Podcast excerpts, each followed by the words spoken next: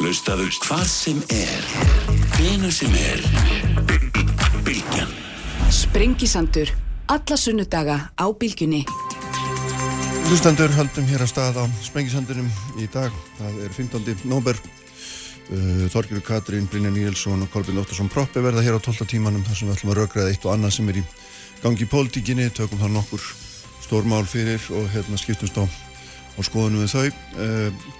Þeir var líka Áslöf Björgvinsdóttir lögmaður og Pál Sverrisson, við ætlum að ræða þar um persónuvend og, og hérna, persónugreinanlegar upplýsingar í dómsmálum en Pál hefur háð langa og mikla baratu fyrir, eh, fyrir ein hönd eh, eftir að byrstar voru um hann upplýsingar árið 2011 sem að hérna hafa hann verið endur byrtar margsinni og hann hefur þurft að fara í mál við dómstólunum sjálfa með þess að og hérna haft sigur á þessari löngu þrautar göngu en sestir hjá mig Lilja Alfredsdóttir, menta og menningamálar á þeirra sælu blessu og velkomin Sætturblöðsöður. Uh, ég langar að fara með þér svona hinga á þanga en, en byrjum bara aðeins svona í skólunum að því að það er eitt af því mikilvægasta sem við erum að takast á við þessum COVID, hérna, þessum COVID tímum, það hefur verið að opna skóla, loka skólum, opna það á hluta, loka þeim að hluta og svo framvegs. Hvernig, svona, hvernig metur stöðuna núna þegar þú horfir yfir sviði hérna því að nú er fyrst mitum fækandi og einhver vona nú um að menn svona geti farið aftur í eitthvað svona hefbundara venjulegra ástand í augnumblíkinu eða hvað? Ég, ég myndi segja að okkur hafi tekist mjög vel til er varðar mentun í þessum faraldri. Mm -hmm. Það er aðeins Ísland og Svíþjóð sem hefur haldið leik og grunnskólastíðinu sínu gangandi allan tíman og þegar við fengum þetta verkefni í hendun og stjórnvöld þá var forgangsröðunin mjög skýr. Í fyrsta lagi að verða líf og heilsu. Mm -hmm. Næstir hingurinn er, er velferð barna og ungs fólks og svo kolla kolli og þetta eins og því sjáu hvernig við erum að fara í það að, að, að hérna, fara í þessar tilslaganir, það er snúa að núna framhanskólastíginu, það er að segja nú eru komna, komna sömu reglur og efstu stígum grunnskólans og svo íþróttir barna. Mm -hmm. Og þetta gerum við vegna þess að þarna er auðvitað algjörlega framtíðin okkar og ef við hlúum ekki á þessum þáttum núna og forgangsröðum eins og við erum að gera, þá held ég að við fyrir miklu verð út úr þessum ella. Mm -hmm. Við höfum alla börði til þess að gera þetta mjög vel mm -hmm og mér hefur fundist skólafólkið okkar uh, allt hafa staðið sér frábælega mm. og ég get sagt þér það að jápil þó að maður sé að bóða á helgi eftir helgi eftir helgi mm -hmm. að vera, sérst, það er heilbríðis á þeirra sem gerir reglugerðina Já. en samstarf okkar er mjög gott þannig að hún sendir draugin og svo máta ég það við öll skólastígin mm -hmm. og við í raun og veru höfum þróað svona ágættist aðferðafræði sem er svona samfunnu hugsunin í þessu, við erum ræðum við allt fórustu fólk mm -hmm. bæði kennarafórustunum, skólastjórnendur og fræðsliði völd uh -huh. og mátum þetta bara hreinlega, gengur þetta upp og svo lögum við mm -hmm. en hugsaum við þetta alltaf um sótvarnir Já, einmitt, og finnst þér svona þú ert hérna, þokkala sáttu bara hvernig þetta hefur gengið því að endarum skiptir alltaf mestum málu okkur að takist að halda rútirinu og býja það sé hérna menturinn haldi áfram Já. svona þokkalega, auðvitað gerum það hlýtur og hljóta verið einhver frávik en svona almennt talað Það hefur verið, sem sagt, framháskólanir hafa auðvitað verið meira fjarnámi mm. og háskólinn, en framháskólinn hefur líka gert þetta þannig að hann hefur verið að forgangsraða í þái verk og yðnáms og listgreina og þannig að það hefur mikið staðnám þar og núna þegar þessi tilslökun á sér stað að þá geta framháskólanemar komnir 25 saman mm -hmm. í, í sóttarnarými með grímur Já.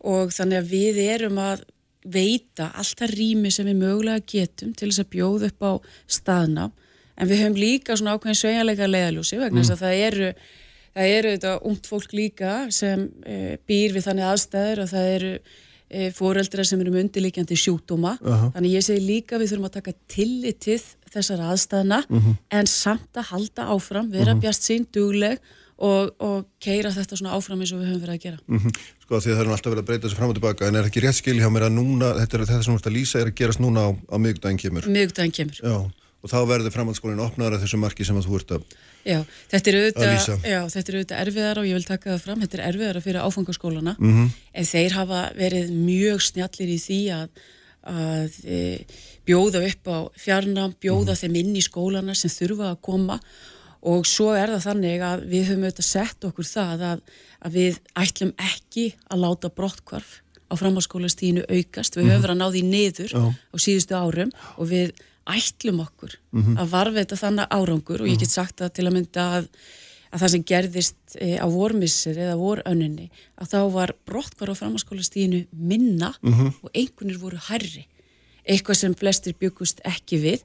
Og nú erum við þetta, förum við inn með þetta hugafar að það gerist líka á haustmisseri. En auðvitað er þetta mun þetta er þingra núna, Já, já, ég lengra. viðurkenni Já, það en það er hins vegar þannig að við verðum að hafa það hugafar að þetta gangi upp og að þetta sé þetta er sérstakur tími en þetta er ekki glataðu tími. Nei, nei, einmitt, en það er hérna, hvað er eiginlega búið að sko, hvað ertu búin að breyta á því oft um kurs í þessu? Manstu það? Já, ég menna það er ég, við vorum að fara yfir þetta semst í lok, lokdags á, á föstudag og hvort þetta séu, við höfum gert sex breytingar. Já, og auðvitað fer maður stundum í ákveðna ringi með þetta vegna þess að maður hugsaður, heyrðu, eigum við ekki bara að sætt okkur við að það sé þá kannski takmörkun á skólahaldi og þá meiri fyrirsjáleiki ég segi samt nei við því vegna þess að sko, við verðum að halda þessu gangandi og bjóða upp á mentun og það eru líka ákannar e, við vitum það að það eru ákannar hópar sem eru líklegri til þess að fara verð út úr þessu, það er að segja þeir hópar sem hafa ekki e, einskoðan stuðning heima fyrir svo kvöldu viðkvæm, eh, sem sagt, viðkvæmustu hópanir og við vitum það líka að mentun er mesta jöfn, jöfnunatæki sem til er í samfélaginu okkar.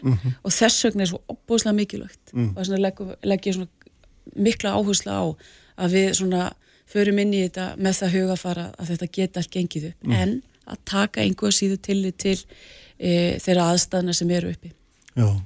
Hvernig, hvernig, svona, hvernig fylgjumstu með hvernig fylgjumstu með því hvernig uh, hérna, skólatin er að vinna? Vitum við Vitum við eitthvað um það vegna nú er þetta mjög svona mikla breytingar sem menn þarf að gangi í gegnum mjög snögglega, breyta sér úr því að vera kennar í kennslustofu, vera í fjarkennslu og hérna vera með nefndur í enga viðtölum í gegnum tölvuforrit og svo framvegs og svo framvegs, þetta eru hérna og er, erum við, sko, höfum við einhverja leið til þess að kanna og vita, þú veist, og geta sagt okkur sjálf, þetta gengur vel, að þú fyllir þetta gangi vel, hvað hva, hva hefur í raun og verið fyrir þér í því?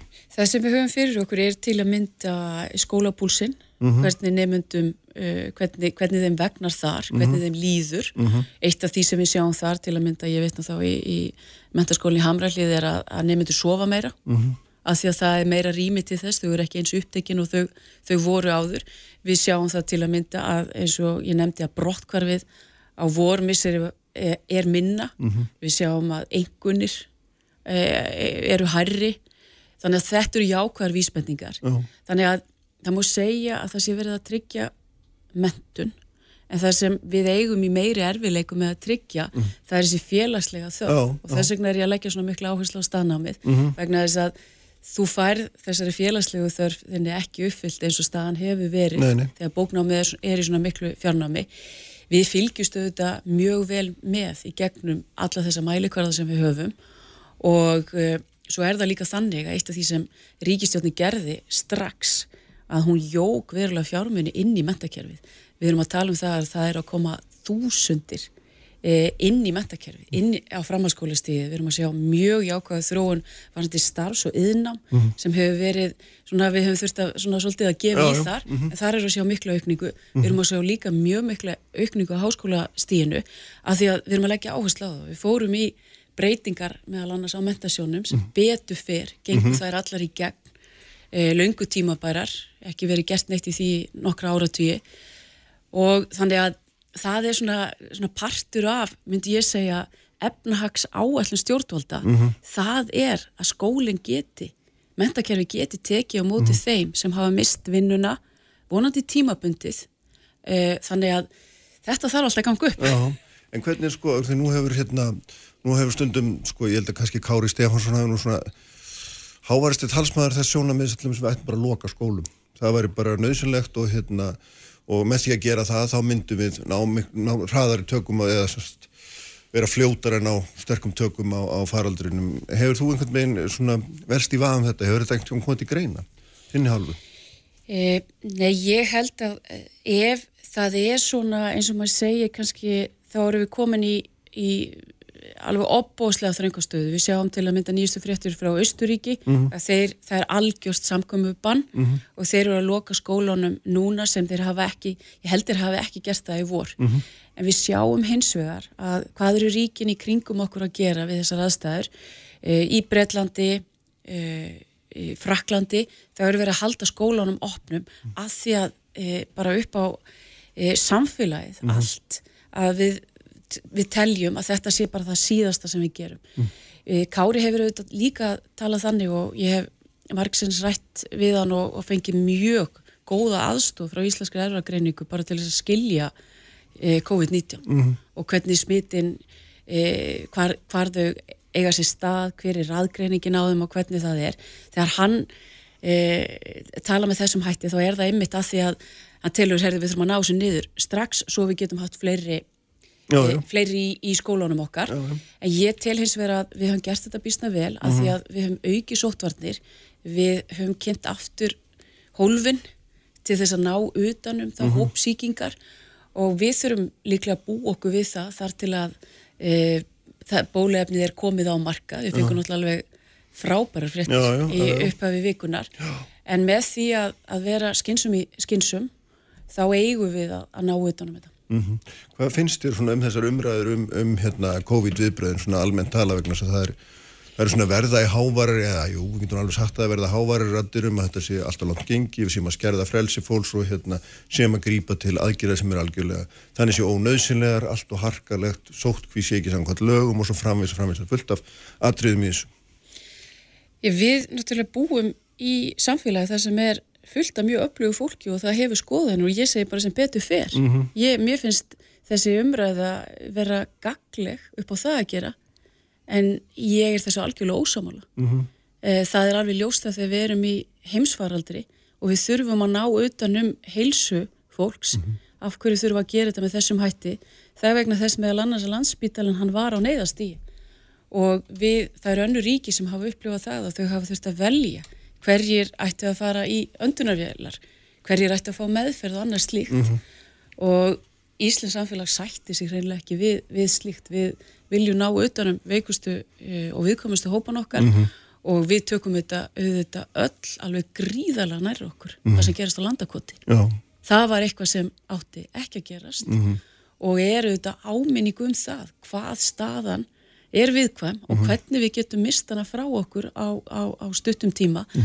Og við skulum líka kannski vera kannski svolítið góð við okkur á þýleitinu til að svona faraldur hann kemur ekki sko upp á tíu ára fresti. Síðast þegar við vorum að kljást við óbóðslega stóran faraldur það var bara þegar spænska veikin var hér árið 1918 til, til 20 en þrátt fyrir það þá nýtti fólkið tíman vel þar og var að byggja landið sitt upp Þannig að þú hérna, tekur ekki undir þessi sjóna með að hérna, það kunna vera að við höfum séum að, hérna, að grípa til heldur, heldur harkalega aðgerða og, og þarna við séum ekki að hafa, veist, við erum að vega á milli sótvarnar aðgerða og svo efnars aðgerða og líka náttúrulega bara það er líka að vera ræð mikilvægur eftir þessum tegist á það er bara andli helsa fólk skilur að það er hérna hangir heima og veit ekkert hvað það á sér að gera og fólki fyrir að líða illa og ég, meina, ég tala nú ekki um fólki sem er í framhaldsskólanum það er hérna hlutið að þessu líka Jú og þess vegna það sem við höfum verið að gera það er einmitt til dæmis þessu opnun og framhalskólasti mm. því við telum þetta skipti e, mjög miklu máli Þetta, þegar við förum inn í, e,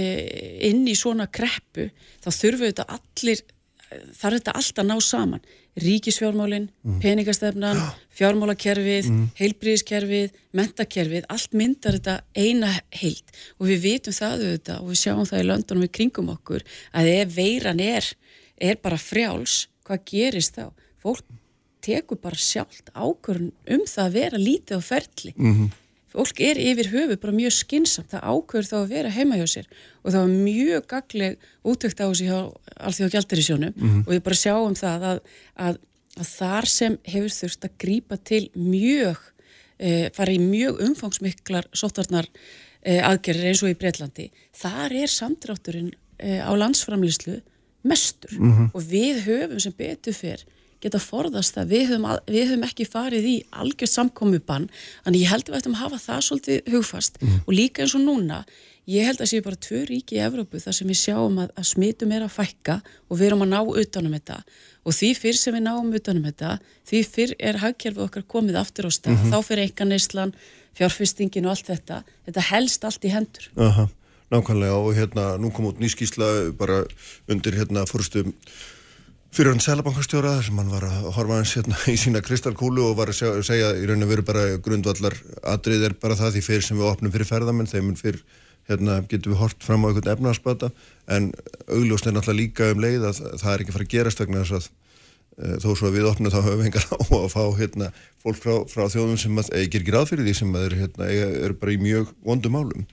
Nei og þannig að ég held að sko, það er ráðstafan sem við höfum bæði gripið til á landamærum og svo hér e, innanlands. Þær hafa verið skynnsamar. Við mm. sjáum mm. árangurinn, hann er að byrtast okkur núna og við sjáum það til að mynda að á öðrum ásfjörðungi þá drókst landsframlegslega í Breitlandi saman um 19% mm -hmm. en 9% hjá okkur þrátt fyrir að við værum svona háð ferðarþjónustunni og ferðarþjónustan þó hún skapum og hafi skapað um 40% af gjaldristekjanum mm -hmm. þá var hún þegar hún náði svona þegar hún var umsjöða mest e, er varða landsframlegslu um 8% mm -hmm. þannig að það eru auðvitað aðrir þætti líka hagkerfisir sem við þurfum að drífa áfram mm -hmm. og efnagsáallun hefur gengið út á það að e, gefa ívarandi fjárfestingar mm -hmm. og svo auðvitað samnislan e, við erum að setja bara sjálfvirku sveiplujáfnarnir, þeir eru þannig að við höldum öllum kerfunum okkar uppi og þetta er um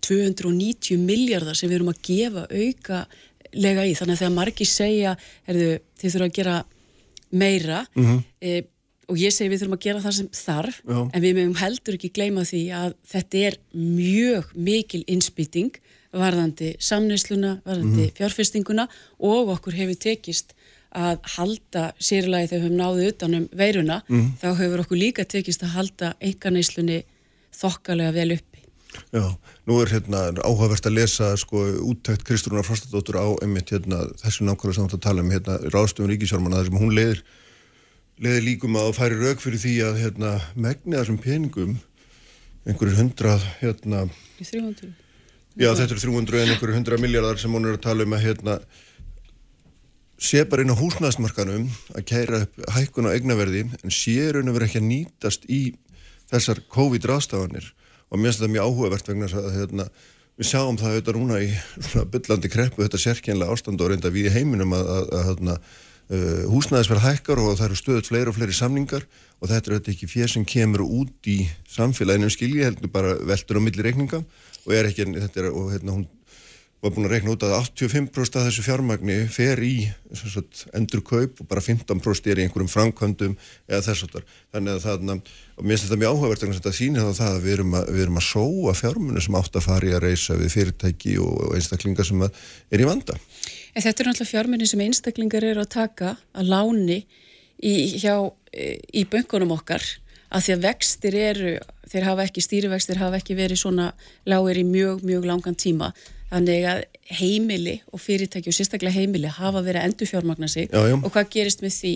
Það gerist auðvitað að þú er komið meiri ráðstöfunatekjur sem fer inn mm. í enganislunum og þá náðu að halda henni mm -hmm, uppi. Mm -hmm. Þannig að ég, ég segi líka að við þurfum líka að meta umfangið út frá eh, landsframlislu -hmm. þegar við tökum sjálfurku sveplujafnarna. Mhm. Við mögum líka þegar við erum að skoða þetta og ég veit að margir eru að bera okkur sama við Bandaríkin og, og Evrópu að það velferðarsamfélag sem við hefum byggt hérna upp á Íslandi það er að fanga miklu, miklu fleiri en til að mynda í bandaríkjónum í bandaríkjónum e, fórum... Það er kannski betra með okkur við Norrlöndin Já, já, en ég er að segja það margir, en margir gera það og segja já. sko þegar, þegar þeir fóri í þessar umfangsmiklu aðgerðir mm. að við þurfum að gera, gera nákvæmlega eins en þá gleima menn því að samneislan þar, hún er miklu, miklu minni mm -hmm. en á Íslandi. Mm -hmm. Við erum e, á mjög svipu, jafnvel betri stað en mörg Norðurlöndin mm -hmm. og ég hef það því að minn gamli sælabanka, hérna maður getur ekkit mm. yfirgeða hann algjörlega þegar maður er að hugsa um þær aðgerið sem við erum að fara í ef ég miða til að mynda við það sem við erum að gera varandi menninguna, þá sínist mér að við séum að gera meira en hinn Norðurlöndin mm -hmm. þegar tekjufallstyrkinu voru kynntir og þeir voru mm. svolítið drifnir áfram af listalífinu og því sem mm. vorum að gera Já. í menta- og menningamálaráðanitinu að þá eru við eh, að gera þar mjög vel, við erum að mhm. tala um líklega nýju miljardar sem fara til e, inn, í, inn í menninguna e, og til fyrirtækja sem tengjast menningunni mm -hmm. og mhm. svo erum við núna að reyna að ná utan um það hvernig miðlu við menningunni mm -hmm. betur þá á rafrænu formi. Við -hmm. sáum að Æsland Airwaves uh, í gær til að mynda, það er svona eitt af því sem við höfum verið að gera og svo erum við að gera fleiri þætti eins og mm -hmm. uh, tónlistamiðstöð, sviðslistamiðstöð og margt fleira. Men, men, men, hérna, menningin, listamennir myndur líka segja við því að þið eru óvoru ótrúlega lengi að hérna að, að rökk við gýrin gagvart þeim því þeir voru búin að vera tekilöðsir í halda ára áður en að hérna svona einhverja ráðstafanir voru kynntar sem að snýra beint að þeim. Já, það fyrsta sem við gerðum hins vegar þegar við vorum í fyrstu viðbröðin mm. þá settu við yfir e, hálfan miljard mm. inn í menninguna við e, jökum líka listamannalaunin verulega mm -hmm. þannig að við svona fyrstu viðbröð gáðu svolítið svona gáðu þetta kynna hvað við ætlum að en, gera En það er svo öll að sletta á einhver svona tölu hálfur miljardur vegna að, hérna, og þú getur líka sagt við settum miljardin í Ísrótarhefinguna eða skiptir inn á sko 200 Ísrótafjölu eða 500 eða eitthvað þá verður þetta svo lítið á hvern og eitt skilur þannig að einhver svona tala, hún segir manni svo lítið. Hún segir okkur hins vegar það og uh, við erum núna að fara að vinna því, ég og félags- og barnamálar á þeirra, að eins og ég er með mælikvarna varandi brottkvarf á framháskólastíðinu mm, mm, sem er mér, mm -hmm. svona ég hugsa um þetta sko ekki einu svona dag heldur svona 20 sinum, -hmm. uh, það sama á við um íþróttinar og menninguna við ætlum okkur að gera þetta þannig að það verði ekki brottkvarf -hmm. hjá, eh, sérst brottkvarf barna úr skipilöðu íþróttastarfi eitt af því sem Ísland gerir mjög vel, mm -hmm. það er skipilagt íþróttastarf og e, tónlistamentun og við sjáum það bara, ég menna það er við erum að ná mjög góðum árangri alþjóðlega, mm -hmm. að því að þessi grunnur er svo góður og við erum núna til að mynda, að því að ég þóru alltaf að segja einhverja tölu núna eftir hérna sem sæðir, en ég ætla samt að, já, já. samt að segja að, að e, eitt af því sem við erum að ráðast líka í er að við erum að setja 600 miljónir til e, barna frá tekjulegum heimilum mm -hmm. til þess að tryggja það að öll börn getur stunda íþróttur á Íslandi í þessum faraldri og líka þegar við erum búin að... Tómstundastyrkur frá ríkinu. Já, tómstundastyrkur frá ríkinu, sveitafélagin hafa haft þetta já. og það sem við höfum þetta líka verið að gera og, og er að mikið af þessum aðgerðum eins og varandi menninguna auðvitað kemur þetta líka við sveitafélagum þegar listamennir eru að fá þessa tekjufallstyrki. Mm -hmm. Að mikið af því sem við höfum að gera eru þetta við höfum verið að stór auka samneysluna mm -hmm. og þegar við komum inn í þessa kreppu þá er staðan svo að Ríkisjóður Ísland, Íslands skuldar einna minnst af öllum OECD-ríkjónum mhm. eða um 20%, nú eru við auðvitað auka skuldinar en við höfum bara svo opbóðslega gott eh, samfélagsdæmi ef maður orðið þetta þannig, bara aftur, við höfum bara svo gott samfélag að verja og svo líka til þess að mm -hmm. sækja fram mm -hmm, mm -hmm. Ég meðan gráðins að hérna, fara aftur í þetta með, með húsnæði vegna það, að, að, það, það, það kemur náttúrulega líka fram í þessum aðdunum að, að sko, þeir sem eru að skipta um eignir er náttúrulega fyrst og fremst fólk sem stendur vel þannig að hinnir sem eru fyrir neðan þeir eru ekki að njóta þessa stuðnings og það er þetta sem er eitt af því sem er svona eitt af megin aðdröðunum í þessari hvernig við vinnum okkur út úr þessari kreppu er að við skiljum ekki eftir hópa.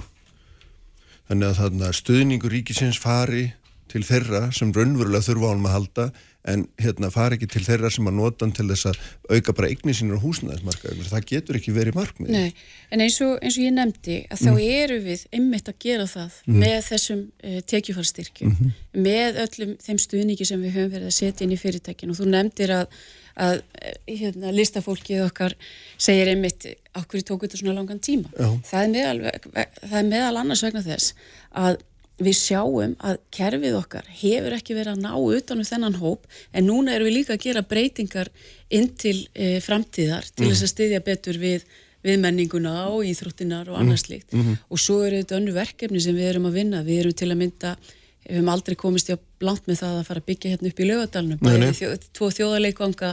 Mm -hmm. e, ég nefnir bara hús íslenskuna því veit að þú veist sérstakur áhuga maður þannig að, að það sem við þetta erum búin að vera að gera og ég held að að, að sagan muni segja mm -hmm. það var gert mjög mikið. Uh -huh. en ég er alltaf og ég tel að við höfum alltaf að spyrja okkur á því ég er alveg með þetta mjög góð uh, aðtjóðasemt uh, erum við ekki öruglega að ná utanum okkar viðkomistu hópa. Mm. Það sem við kemur þá metakerfinu, við erum vakin og sofin yfir því og ég veit að sveitafélagin eru að gera það líka. Mm. Ég nefnir tvo hópa sem eru mér mjög kærir. Það eru börn eh, af erlundum uppruna. Við höfum verið að styðja verulega við svona grunnkerfi okkar þannig að, að bæði að bæta allt sem tengist íslensku námi og að, að hérna, gefa betur í þar, varandi mm. stefnumótun uh, og svo eru það uh, eru það uh, fölluð, fölluð börn.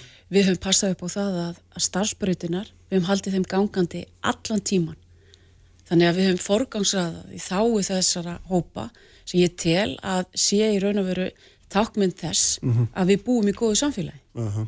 Langar að hérna aðeins að venda mínu hvað í kross eins og sagt er sko að því hérna, við erum að fara í einan kostningavettur og, og við sáum nú strax hérna formað samfélkingarinnar var mjög galvaskur hérna um síðustu helgi og, og, og sagði að hann vildi, vildi stopna vinsturstjórn og, það ætti bara að vera yfirlist markmið og framvegis, hvar sér þú ykkur í þessu? Þið eru svolítið svona, nú sér maður nýjar kannanir til dæmis í Reykjavík sína að þið standið veikt í augnablikinu uh, og hérna myndu tæplega ná einn þingmann ef, það, ef það er niðurstöður kæm upp úr kjörgósunum og, þarna, og þetta var svona, svona einhver yfirlýsingum að einangra sjálfstæðarflokkin, miðflokkin með honum, framsóknarflokkin var ekki nefndur, ég veit ekki okkur.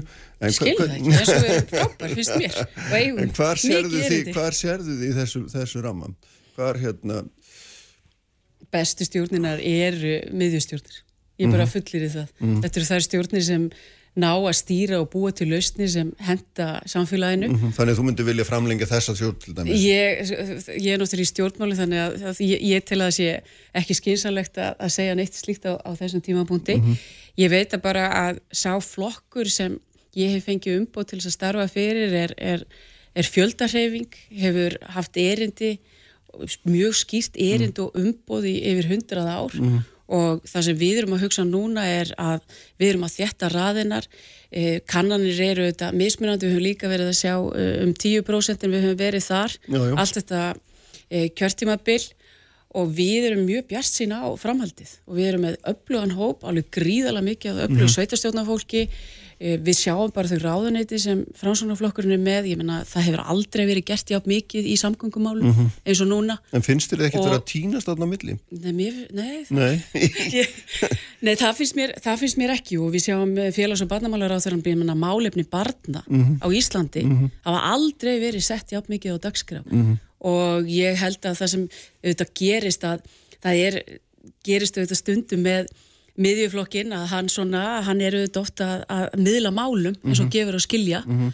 en það hefur alltaf, og framsóknarflokkun hefur alltaf komið alveg gríðarlega sterkur mm -hmm. inn í allar kostningar og það munum við svo sannlega að gera, mhm. gera núna mhm. og eins og ég segi við auðvitað leggjum áherslu á uh, að við höfum auðvitað gegnum tína verið að leggja áherslu á það að manngildi sér ofar auðgildi ef þú aðeins lítur á e, þessa áallum, hvernig mm. við höfum verið að fást við COVID-ið, þá er það ymmit það. Við mm. höfum sagt, heyrðu, hér er heilsa, -hmm. e, við gerum svona ring í kringum, kringum það, svo kemur unga fólki okkar mentun og svona er forgangsöðunin -hmm. og hún er mjög framsóknarleg. -hmm. Hérna, e, sko, ef við tölum aðeins áfram með þetta, sko, Móki var með frétt í, í síðustu viku um það að hérna, uh, fjölmjöla fremvarpiðið um styrki var í dögt fullist það að það, það hérna, svo leiðir ekki farin og ætti bara að fara skatt, skattkerfisleðina eins og einhver hafði einhver tíman haft einhverju hugmyndur um, er þetta rétt? Við erum að vinna því, eh, við erum að vinna áfram að því að styrkja umhverju einhver eginn að fjölmiðla. Já, þetta er okkur byrjunir svaraðinu. Nei, það, sko, ég get sagt, sagt, sagt það hér mm. að stjórnflokkurinn eru að vinna þessu, við erum mm. að mhm. skoða einhverjar eh, aðra leðir en fjölmjöla förumarpið eins og það og hugmyndafræðin á bakvið það, hún lifir áfram, mm. það getur vel verið að við þurfum eitthvað að laga það eins til og frá eitthvað aðeins og ég hef alltaf sagt að ég hef alltaf sagt að meina, það skiptir mestu máli að geta klárað hlutina uh -huh. og það til að mynda gerði ég í sambandi við uh, mentasjóðin sem var ekki, enginn hafi gert þetta í, í, í tvo eða uh -huh. þrjá áratvíi -huh. Og ef þið lítið á það sem er búið að gerast á fjölmjölamarkaði, það var gert, ég stopnaði dóttufélagið í kringu rúf, uh -huh. það hafði enginn gert það í mörg ár, uh mhm. -huh. það er búið að skilgjörna betu það auglýsingarými, uh mhm. -huh. það hafði enginn gert það. Nú erum við frumvarpinni sem fjallar um aukið eh, gagsægi, er mhm. varða ráðningar og starfsmannamál hjá ríkisútvarpinu. Þannig að það er búið að gera mikið en auðvitað eins og þetta mál, ég, meni, ég held að þetta sé og, og mér finnst auðvitað Veist, ef ég fæ einhver, ég er, er þannig að ef það er einhver verkefni sem ég á að klára og mhm, leysa, mm -hmm. þá bara ger ég það Já. og ég held að þetta sé eina máli ef við lítum á stjórnarsáttmálan -huh. sem er óklárað en það er mikill vilji hjá öllu stjórnarflokkanum að leysa þetta, af því að En ef þetta er pyrrandi, þú er búin að vinna þetta svona lengi og svo koma Já, ég ég menn og bara að segja, nei, þetta kemur alls ekki til greina. Já, ég meina, við ætlum nú ekki alveg, það er nú ekki, það er nú ekki, þó að morgunblæði sé ágætt, það var nú ekki þannig að morgunblæði hafi rætt þetta nokkuð við menta og menningamálar Þetta eru aðilar Aha. sem eru, sem eru greinilega þeim tengdir og eru, að, eru að, að setja þarna út fréttir. Ég kannast ekki við þetta, svo ég segi það. Annað, hérna... En, en, en svo segi Já, ég sko, Já, svo ef ég á bara líka að vera alveg hérna, sangjörna á sunnudasmotni að þá er það, auðvitað, þá er það þannig að, að mentun og menning og allt sem tengist í þessa dagana að halda skólakerfinu gangandi ásamt því að hugsa til framtíðar að því að ég til að þetta sé lang besta leiðin fyrir okkur til þess að sækja fram er varðar nýsköpun og rannsóknir að, að þá er, er það þannig að ég hef búin að vinna þessa heimavinnu gríðarlega vel varandi fjölmiðlana en huguminn og hjarta er algjörlega í því að halda mentakjörun okkur gangandi og að við pössum upp á það að þeir sem eru að viðkomistu hópanur okkar og börn þeirra fái betri þjónustu en þau hafa verið að fá á síðustu árum. mhm. fyrir, fyrir ári síðan er rétt um það Lilja, þá varstu hérna, sá ráþæra í ríkstjórnir sem naut mest tröst, þú veist með þess að naust meira tröst heldur en Katrín Jakobsdóttir. Mm. Ef maður fer í sambarilega kannan á þessu ári, þá hefur, það, hefur myndin breyst tölvöld mikið. Ég ætla viðra þá kenningu við þig að hérna, ástæðan fyrir því að, að tröstið hefur minkað eru mannaráðningar. Skipanir í stöður og svo staðreind að ólíkt því sem maður hefði búist við að þá hérna, ferðu í gamla farvegi og skipar framsóknarmenn í stöður sem að hérna, uh, þeir eru ekkit endilega skilið. Og ég, ég myndi halda, ég ætla að halda því fram við því og þú bara svara því að þetta sé ástæðin fyrir því að þú ert að hérna, tapa trösti Ég ætla að segja það, ég er auðvitað einhverja síður mjög þakklátt fyrir alltaf tröst sem ég nýt og, og hafa, og ég hef auðvitað tekið eftir því og fylgist mjög vel með því að, að það hefur minkað. Hins vegar er það enn mjög mikið og ég mælist enn sem einn vinsalasti Já, já, en það er kannski helmingast á einu já, ári, En já. það sem ég ætla líka að nefna í þessu samhengi að ég hef nú sagt að ég, þessi mál, uh, ég er að fara fram á ógildinguna varandi, uh, varandi kærunemt uh, jáprestismála, Já. að ég eila hlakka mjög mikið til að fara yfir þessi mál betur með þér Kristján. Mhm.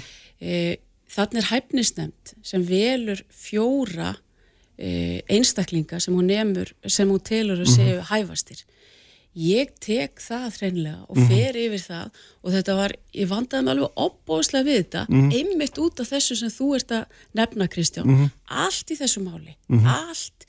Ég get, allir pappir og allt sem tengist þessu eru þannig að ég vil gjarnan deila því með þjóðinni vegna þess að þegar það verður farið nákvæmlega onni þetta mál þá, þá mun það koma í ljós að þarna var hæfasti einstaklingurinn valin og það er líka þannig, við getum heldur ekki, Kristján, verið að e, hegna fólki fyrir að hafa tekið þátt einhver tíman í stjórnmálarsamstarf. Ég ætla að, þess að nefna eitt.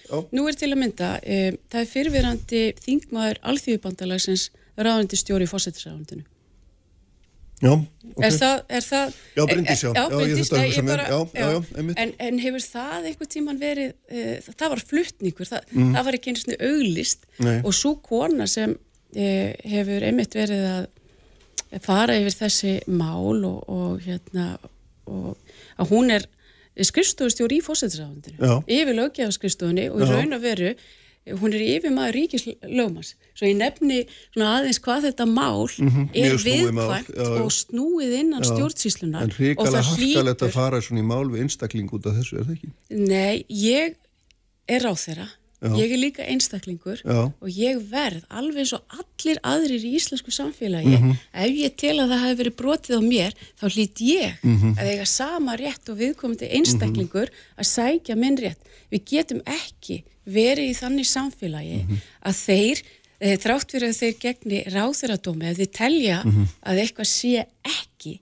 eins og þessi úrskurður Mhm. er þá hlýt ég eins og allir aðri við búum í réttaríki Aha. og þá hlýt ég að geta gert það en auðvitað, þetta, ég get alveg sagt þér það Kristján að þetta mál hefur tekið mjög mikið á mig vegna þess að ég taldi og tel að ég hefði sannarlega verið að breyta rétt og allt í samband við þetta mál, það var vandað gríðarlega til þess. Líka til ráningar þess mann sem að hérna, fór fyrir hérna, hæfnisnefndinni.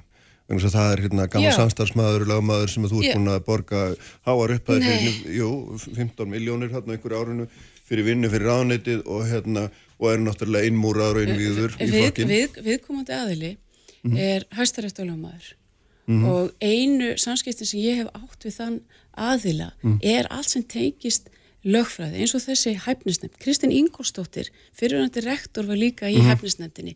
Þarna var líka e, ráðningarfyrirtæki sem var valið og ég get sagt ykkur það, það var vandað alveg gríðalega til þess og sérstaklega vegna þess að þessi mál geta verið alveg opbóðslega viðkvæm og ég, ef, við- ef þú vilt fara yfir þetta þegar við erum búin að klára Já, já. þetta dómsmál Já.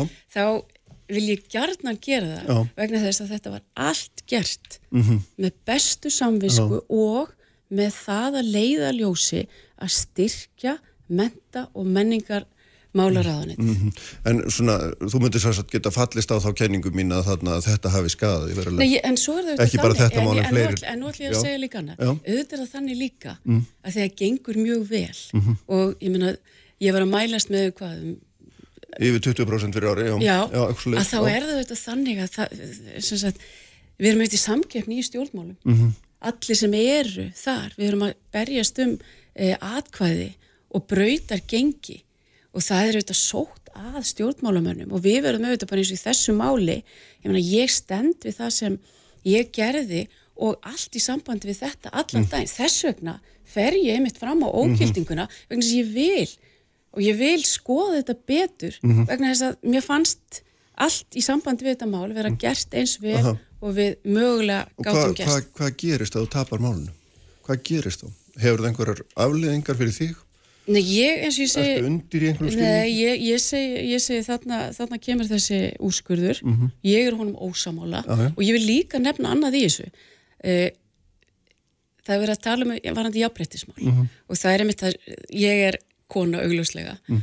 og þá er eins og þetta sé miklu verra mál. Það eru mjög margir sem hafi fengið hérna svona á sig, mm Mhm. -hmm. borgarstjórin, fjármála efnaðarsáþurra og fleiri aðila Hverju er þetta svona opbóðslega mikið mál? Mhm. af hverju er þetta meira mál þegar það er kona, af hverju er það þannig? Og við sjáum til að mynda og ég bara Mhm. ætla að nefna það að það er eitt flokkur sem hefur verið þarna mjög framalega það vill þannig til að sá flokkur að e, einn af umsækjandunum einn af umsækjandunum er sýstir formansins í viðkomandi flokki. Nú þarf þetta aðeins að upplýsa mig einn af umsækjandunum umræðandistjóra stöðuna. Já, e, er sýstir Þorkjara Katrína Gunnarsdóttur já, já, já, akkurat. og sá flokkur, hann fer mjög framalega í því Mhm. að gaggrina menta og menningamálar á þeirra þannig að þetta máli er bara svo ég segja þeirra Aha. það er aðeins floknara Þannig að þú ert að segja en sé að það- láta það- það er virðist- gagnrýni. en það virðist ég bara bendi á það Mhm. að þegar það eru konur Mhm. sem lenda í þessari stöðu e, þá virðist það einhvern veginn vera eins og sé jafnvel bara meira mál Mhm. er það, hva, hvað finnst þér sjálfur Kristján? Nei, ég bara, ég, en sko að því að, að því að við erum að ræða þetta við Já. förum yfir þetta, Já. að þá finnst mér bara líka mjög, mjög sangjart og Já. eðlilegt og líka það ætlum við að segja, ætlum við að, að segja við fólk sem er að taka þátt í stjórnmál og teka þátt í stjórnmálum Mm. Þá getur ekki sótt réttin Nei, ég held að við ætlum ekki að segja það, Nei. að við erum sem bara reyna að segja það að allir er að vera jafnir, jafnvel þóður hafi tekið þátt í stjórnmálum og þekki annað fólk í stjórnmálum. Ég held að það sé aldrei grunn hugmyndin. Já, menn og sé svo- þess ekki og verið að og hyggla mönnum og Já, óeðlum hætti en- eins og en hefur gerst í já, já, en gegnum áratugina og ég held að man, svona margir hafa trúað því að þú varir báðbyrði nýra tíma í þessu og þess vegna ég er. brugðið. Já, já, sem þú segist er, vera. En, og er og, og ég vil En þess vegna það. var En mönnum þe- brugðið, já, en já. þess vegna eins og þú heyrir núna því Já. að fara yfir já, þetta já, að að mikilli einlægni. Vegna þess að þetta hefur mér ég bara segja það Kristján, þetta hefur bara tekið verulega á og svo, svo sér maður einmitt og það er viðreist og sagt hérna og það verið að deila fréttum að auð, auðvitað tekur þetta líka á, á þann sem uh, kærir og, og fær úrskurðin en ef mér finnst eitthvað að þetta sé rétt sem ég gerði þá verði ég að standa við og ég vil líka að þeir sem eru að treysta mig fyrir þessu umfangsmikla ráðaniti að þeir vitu og ég geti þá útskýrt ég meina, við erum á fulli núna að, að var, það var verið að samþykja nýja mentastefnu til ásins 2030 það er búið að fara sko gríðaleg vinni í það, alveg mm. opbóslega mikla pælingar, hvernig við verðum í fremstu röð. Ég er búin að taka allar þessar písa niðurstöður mm -hmm. og ég, meni, ég er búin að fara yfir þetta í svona tíu ár, hugsa um strákana, mm -hmm. hugsa um börn af erlendum uppruna.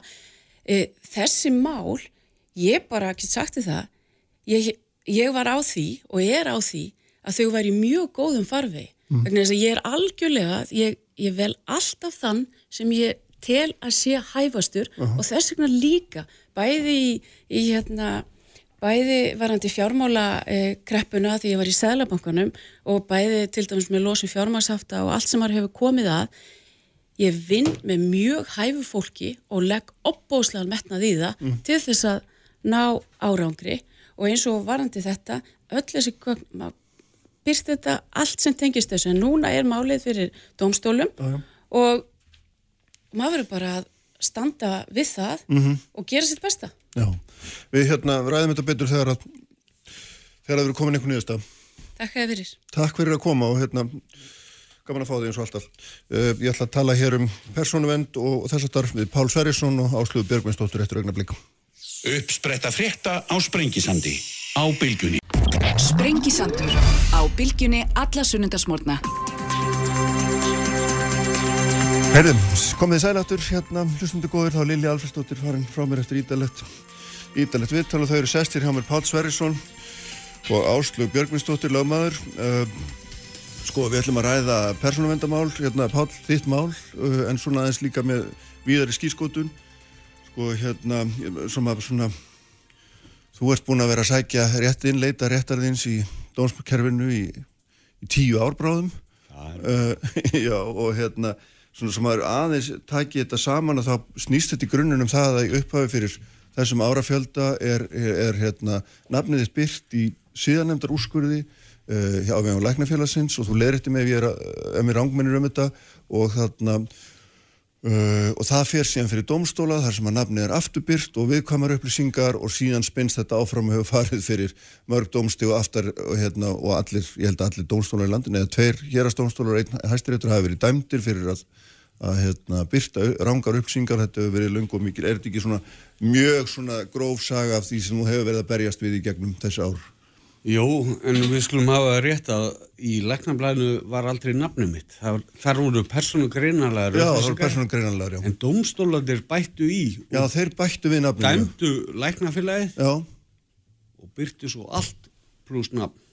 Já, þeir bættu sem sagt við nafninu. Já og þetta er raun og veru, og bara átt að þín hefur, allan þennan tíma hefur snúist um það er raun og veru að, að sína fram á það að þetta hafi verið ólögumætt og hérna, leita einhverja bóta á hvaða formi sem það væri fyrir þessum. Fyrst, fyrst og fremst er öll mín bara átt að bara fyrir það að engin annar myndi lendi í þessu. Aha. Því að ef þú, þú fer bara inn á domstóla.is þá, þá serðu það að það er alltaf ykkur sem minna meða sinni í þjóðhörleginu mm -hmm. sem brotið er á ef það sé ykkur að fína fólkinu mm -hmm. að þá er allt reynsað út -huh. Þannig að dómstálutin haldi skipilega inn í hérna, upplýsingum með fólk sem er svona ásirki málsvara eða getur ekki tala fyrir sjálf Já, það má vel að segja það. Börn og, og, og fallaðir, fólk sem er fallað mm -hmm. að það, það er brotið á. Áslöð, þú er náttúrulega fylst með þessum málflokki og hérna lengi. Tegur undir þetta? Já, mér sýnist að að um, ég, ég held að sé ekki já, þetta er svona ég ætla ekki að ætla að domstólunum meðvita að, að mismunna borgarunum að þessu leiti en það það blasir við þegar maður skoðar þessi dómasöfn mm -hmm. og mhm. byrtinga dóma að e, þetta er í meira mæli þólundi brota, öryrkjar, veikt fólk fjölskyldur í barnavendamálum mm -hmm fólk sem er að sagja rétt sinn eftir slýs eða veikindi að lækna mistök og um, og hefur í gegnum árin þá yfirlega verið nafngreint mm -hmm. ásamt því að byrtar hafi verið uh, viðkvamar lýsingar og sjúkraskrám að veikindi uh -huh. þeirra og, og afleðingum og og það er því miður þannig að og þetta er þá, eins og hann nefndi fólk með föllun eða mhm. þróskahemlun mm -hmm. og eða börn í barnavendamáli uh -huh.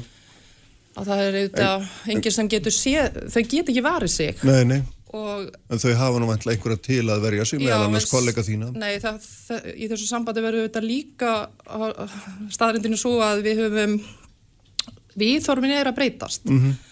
við erum að ykkur marki við erum alveg upp við þetta sem mentaði lögfræðingar Aha. Að, dómasöfnin bækurnar Mhm. byrtu þetta mjög nákvæmlega svona. Og uh, við þetta er þetta eins og við höfum bara svona alist upp við að þetta sé norm, þetta sé eðlilegt. Og, og eins og spurning vaknar uh, og eins og þegar hann nefndi hann var að byrtu persónugreinlega en ekki með nafni, svo leitar að rétta síns til Já, domstólana Já, já. fólst í því að hann væri að samþykja ég að afsala sér mm -hmm. friður gengalífs við það þýði það ef ég leit, leita til domstóla til dæmis út af slisi Já, eða á mér er brotið að því mm. til í samskiptum við vinnuveitanda að ég afsali mér réttinu til friðil gengalífs.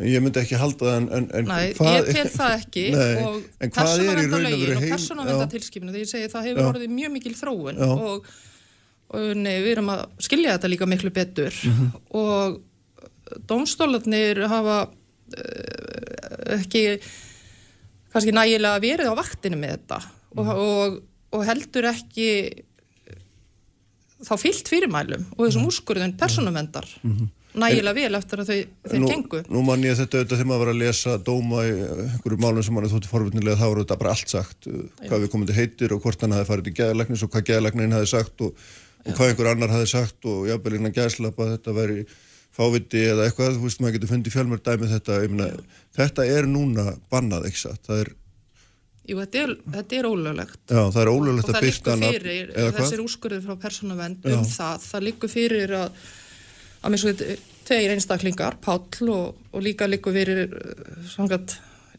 það byrtust fréttir í fyrra í fjölmiðlum um að maður hefði fengið greitar bætur úr ríkisjóði vegna byrtingar nöðgunamáli mm -hmm. hann hefði verið þá nafngreindur en síðan síknaður þannig að og persónavend hóf síðan sjálfstæða aðtugun að eigin frumkvæð eftir að fengi fjölda ábendinga 2018 byrjaði hann aðtugun á þessu og beindi tilmælun til síslunar og domstóla um að hvort það væri búið að tryggja verkverðla hvort það væri búið að og hvenar að ætla að reynsa út það sem fyrir er af, afmá svona upplýsingar og einhverjum ástæðum þá virðist þetta ekki ganga rætt eða vel Nei. og þetta áréttaði líka ríkisöndiskoðandi í skýrslu sem hann skilaði alþingi núna á þessu ári mm -hmm. þess að stjórnskipin eftirlýsnefnd hefur frá 2016 verið með skorta eftirliti með stjórnskipin domstóluna til aðtugunar en í þessari skýrslu núna frá þessu ári segir meðal hans ríkisendurskoðandi dómabyrtingarnar að það sé mjög mikilvægt að domstólanir seti sér verkferðla Já. sem komi í vekk fyrir mistök á þessu dagi Já, já. Og í því sambandi verður við líka aftuga að þegar þessi mistök verða, þá verður það ekki aftur tekið. Nei, að Og það eru að aðilar úti. Mm. ekki bara fjölmiðlar sem eru að vakta, heldur líka enga fyrirtæki, eins og Fons Júris, Mhm. sem sapnar þessum upplýsingum í sinn gagnagrunn og selur aðgang. Mhm. Og þegar, og þó að dómstóla leiðrétti mistökjun eftir, þá er, virðist ekki sjálfkrafa að það skila sér í Fons Júris Já. og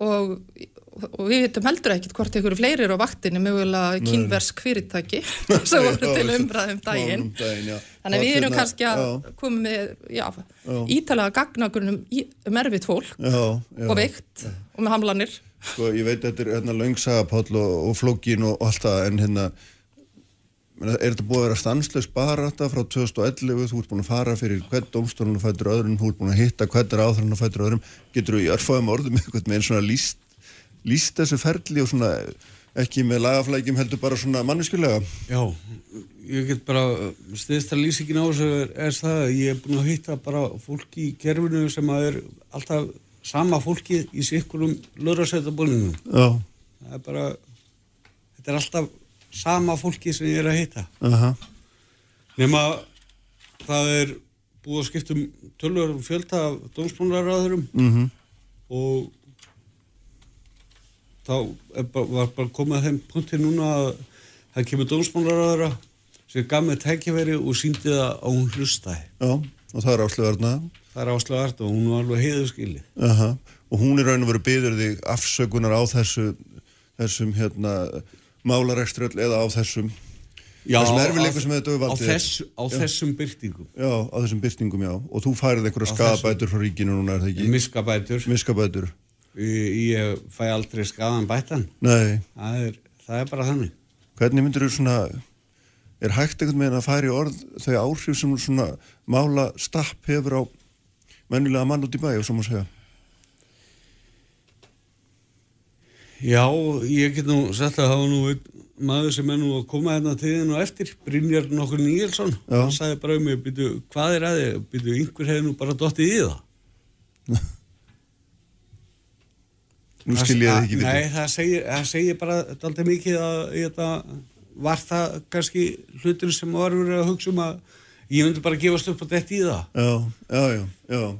Þannig að það hefur verið að þreita þig bara og hérna til þú reyna- upp. Já, þú veist, ég bara hef gengið út frá því að segja, ganga bara og segja satt og rétt frá. Mm og ég hef alveg fullt af tölvupóstum og öðru og blöðum þar sem að opbyrri starfsmenn eru að, að þurfa að bakka út úr líginni Aha, mhm. Sem að þú ert búin að gera það uppvísað. Já, og yfirleiknin á fjöluðinsugræsinu á, á Nesklöfstæða, Mm. hann bara laug af persónuvend. Mhm.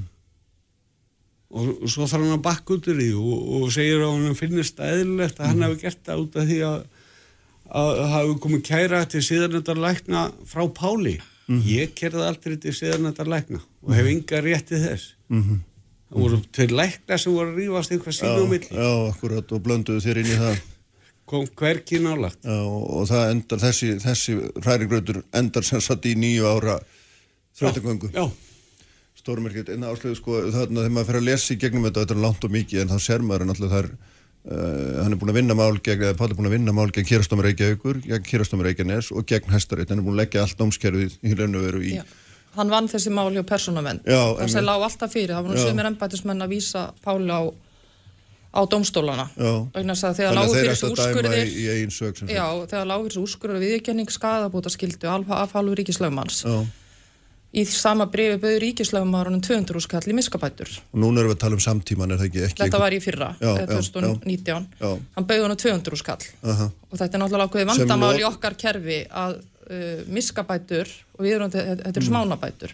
Þannig að Mm. Það átt að sér vera svo satt loka upphæðin Já. sem miskabæti fyrir allt máli, 200 skall. fyrir byrtingadómstóla í þreymur málum á, á, á meðalega sjúkraupplýsingum sem njóta- sérstakra verndar. Já, En uh, það sé uh, það líkur þá fyrir, ég vil nú svona árétta það, það Já. er þetta líkil atrið í réttaríki að dómar séu byrtir. Mm -hmm. svona, Mhm. Já, já. Það sé alveg ljóst. Að við erum ekki að by, halda því fram að það ekki að byrta dóma og það þurfa að vera eitthvað svona leyndi við þeim, alls ekki þvert á móti vegna þess að með samhættu og við þurfum að þekkja lögin og hafa aðgang á þeim þá þurfa borgarnir líka að sjá hvernig dómstóla tólka lögin. aha, En þetta snýst um faglegar byrtingar í samræmi við lög þar sem óþarfa persónagreinalegar upplýsingar og vannvirðandi eru teknar út. og skortir á, skortir á það, minna, Já, það skortir á það og Víða, það eru eða er núna þetta, nokkur er þetta dæmi- stök tilfelli eða hvað, hvað svona, Nei, þetta er nefnilega ekki einstök tilvik eins og oft er sagt og við heyrum. Þegar ég, þegar ég laði fram kæri til persónu þetta fylgdu við 30 dómar til að sína fram á að þetta væri ekki einstakt tilfelli.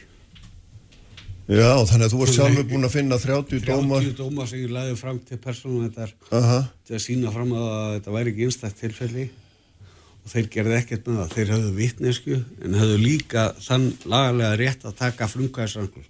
Þetta er 2017. Þeir ger ekki neitt. er, er þess að segja mér að það sé fyrir leikmann, hægða leikur að fara inn á netið, móka saman dómum þar sem að hérna, persónugreinalegar upplýsingar eru byrtar að hálfu dómstóla, ekki hálfu einhverja bara heldur, hálfu dómstóla sem er í andstöðu við persónuvendalög. Já, dómstólar eru stærsti dreifingar aðeili viðkværum engalífsupplýsing á Íslandi í anstöðu við lög. Nú er, já, nú er til eitthvað sem heitir Dómstólusísla og þú varst nú einu sinni frangvandastöru þar ég Já, í gamla dómstólaráði, já, und, undafara dómstólusíslunum. Já, akkurat, já. Og ég minna, það er hún sem á að samræma sér hluti og fara yfir þetta og passa upp á þetta síla, er, er, ef ég skil Hún hefur samkvæmt nýju lögunum, um, um nýjum lögun dómstóla frá 2016, þá hefur dómstólasíslan, hún hefur umsjón með byrtingu dóma mm -hmm. og á að setja reglur þar um.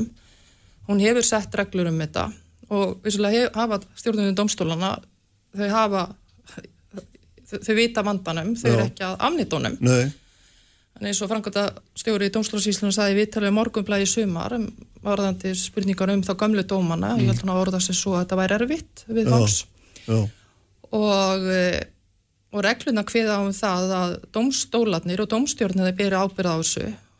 Að mér skilst að verklægi inn á domstólunum sé þannig að þetta sé ekki það miðlæg eh, svona skristofa sem er að mm. sjá um þetta þessi samræmis er gætt, heldur sé dómarunum sjálfum falið að byrta og, og það sérstaklega í varandi það, það, það verkefni er að mm. eftirlistnefndun dómara að hún hefur ítrekka komið staður í niðurstöða þegar fólk reynir að kæra dómara fyrir ólugum þetta byrtingu mm -hmm.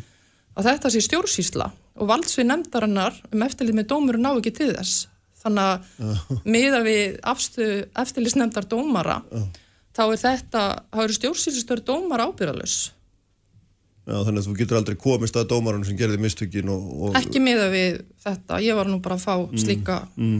slík, slík svar frá dómstólusíslinu núna bara í þessari viku. Var þetta nýtt, nýtt brot? Uh -huh. Á þá einstaklingu sem að vil segja réttasins ef þessi brotið á honum að hugsa sér til þessar um hvort hann eigi að gera það að því að það voru allt byrt um hann og oft að geta leitað rétt að þess og lagt öll þau gögn fram svo þú þarfst að leggja fram á þess að fara um íðan völl. Uh -huh.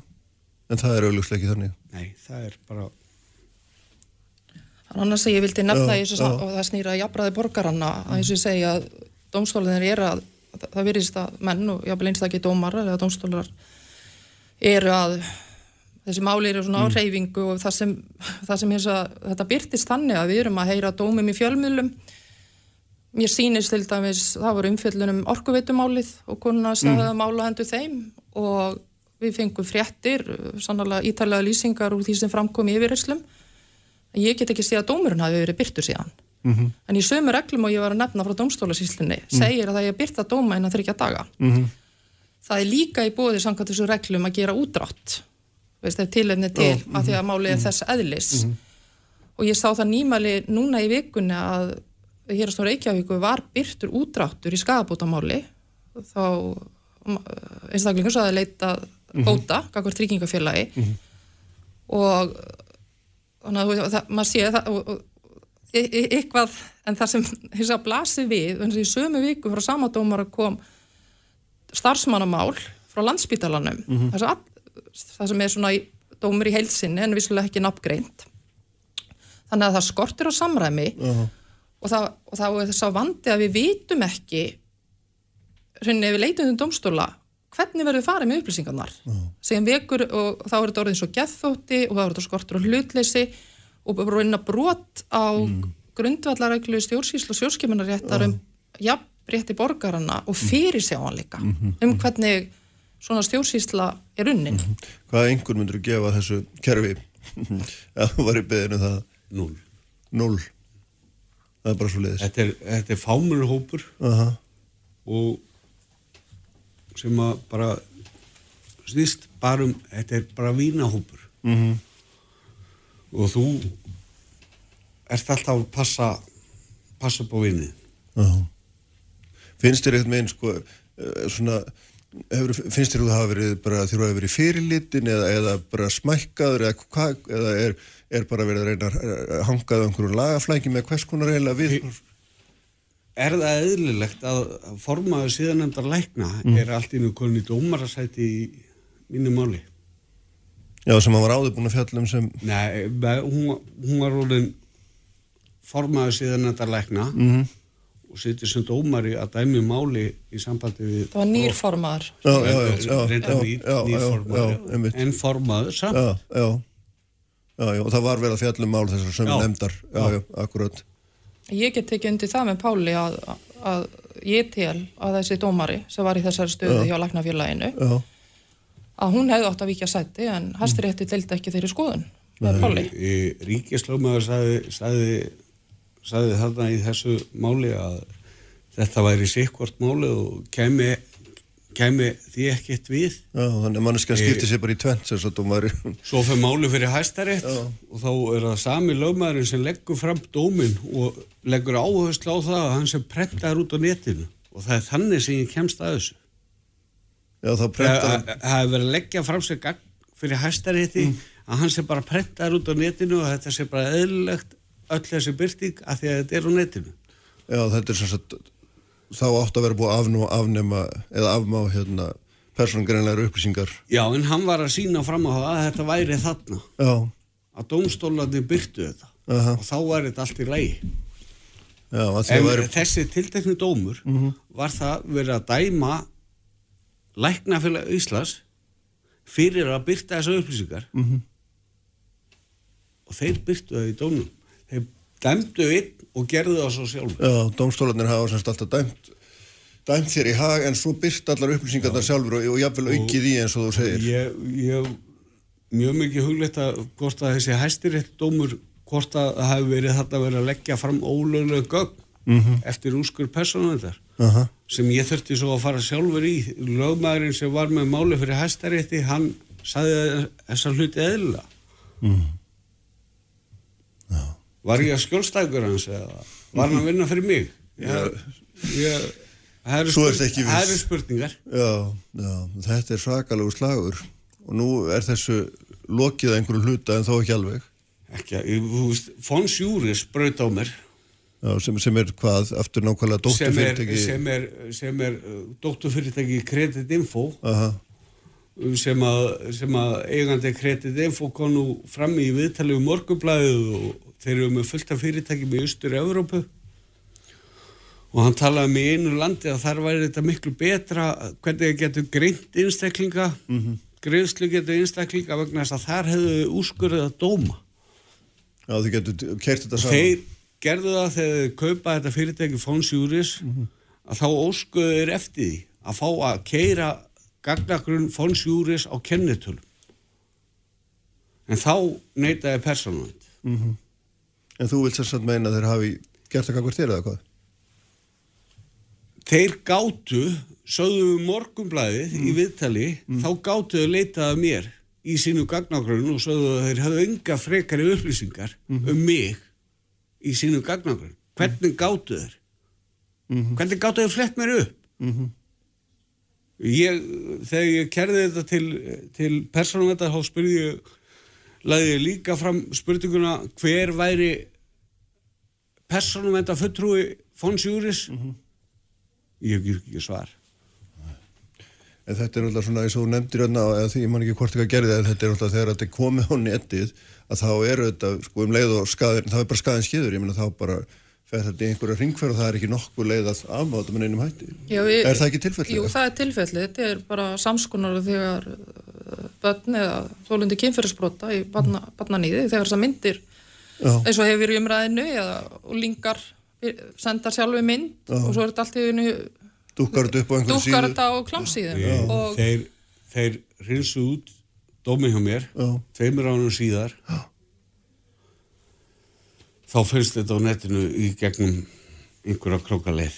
Þá var mér send, send, sendur linkur á þetta að þetta væri ennþá á netinu í gegnum dómstál þá gáðu dómstálu það út að það væri bara ekki þetta væri bara svo erfitt að það þyrst að fá tölvu aðalega til að hrinsa þetta almennilega út og þá var það gert.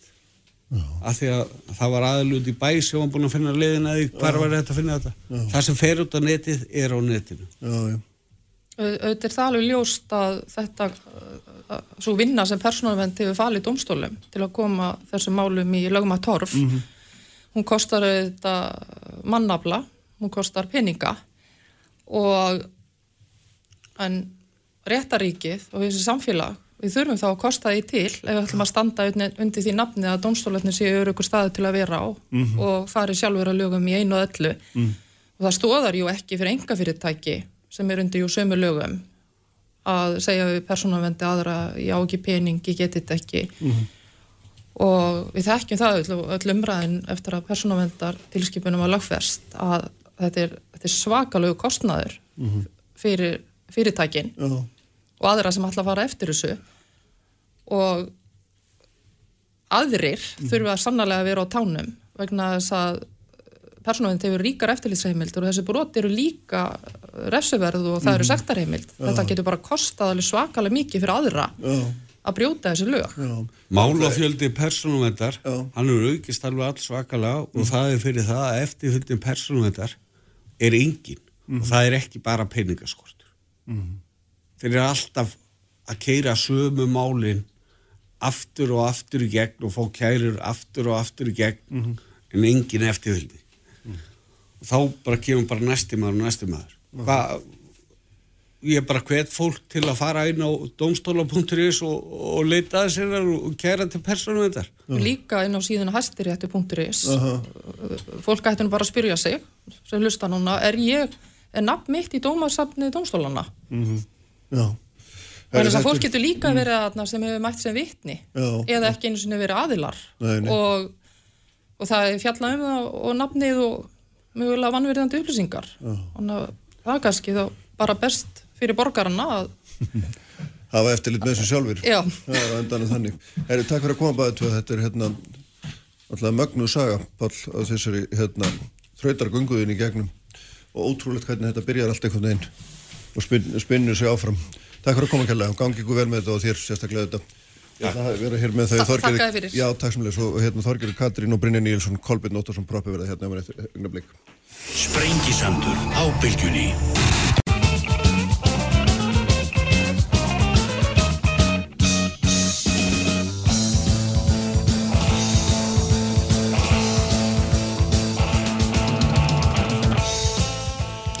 Sælir eftirlustundur, þá er þið farin fram með Pál Sverrisson og, og Áslögu Björgvinsdóttir en sestur hér Þorgir Katrín Gunnarsdóttir, Brynja Níelsson og Kolbjörn Óttarsson Proppe, alþingis menn og konur. Eh, velkomin öll. Takk. Takk. Uh, mér langar að fara í að svona, með ykkur yfir víðan öll aðeins svona, eins og kallað var gánda stjórnmál ástandið hérna, byrja bara hérna, það er auðvitað svona mörgmerkileg málframöndan kostningavetur og allt þetta og hérna, breytingar á stjórnaskrá og, og COVID er náttúrulega Brynjar, þú hefur farið á kostum í, hérna, í andmælum þínu við sóttvarnar yfir völd og núna síðast á þarna skrifaður um oftrú okkur á vísindin og hérna sem var nú mjög merkilegt því að þetta er hérna ég veist að það er akkur, sko þetta er eitthvað svona trumpismi sem þú veist, ég held þú sért bara að stríða okkur endar, er það ekki? Ha, ég held þú sért bara að reyna að æsa, æsa fólk upp, sko Nei, því að síðan hérna, það var svo merkilegt að svo, svo var í mokkanum í dag held ég að gær, það var hérna það var, það var sko greinir til teit björn um það hvernig hann sem að segja að populistar sem eru kindir bara að fá frá upplýsingaóróðu að verið pekja vegna allansála vegna þess að þeir óttast allir mjög að vísindi og málefnan umlega beri málstæðin ofurlið. Ég held að sé að beinast til þín. Nei, nei, nei, nei. Menn er alveg að ruggla þessu saman sko. Ég meina, sko, að efast og gaggrína eru bara mjög nöðsett fyrir vísindin og þekkinguna sko. Já, einmitt. og ég er auðvitað bara að því ég er bara, sko gaggrína og efast um þessar aðgerðir mm -hmm. eh, mér finnst það ómarkvissar eh, og hérna e, svolítið klunnalegra mörguleiti, lítið samræmi og, og, og velti fyrir mér að að árangurinn hafi ekki heldur verið eins og við varum að búast við í þeim. Þrjú smitt í gæðir held ég. Já, og, og, já, og, og hérna auk þess sem sko lagalegur grunnur og, og, og er umdeinalegur og sem og vísindalegur grunnur. -hmm. Þannig að þetta er ekkit annað en bara skilda okkar stjórnmálamann að velta þessu upp. Meira var ég ekkit að gera. Það er ekki þar með sagt að sko hérna að, að, hérna, að við hlustum auðvitað á vísindin. Menna, við erum alltaf af okkur upplýsingar, þekkingar og við tökum auðvitað ákvarðan á grundvelli þeirra. En það sem ég er að segja síðan í setningreininu sem heldur að sé eitthvað anstæðið grein teits er auðvitað það að, að, að, að, samfélag verður ekki stjórna með einhverju svona. -hmm.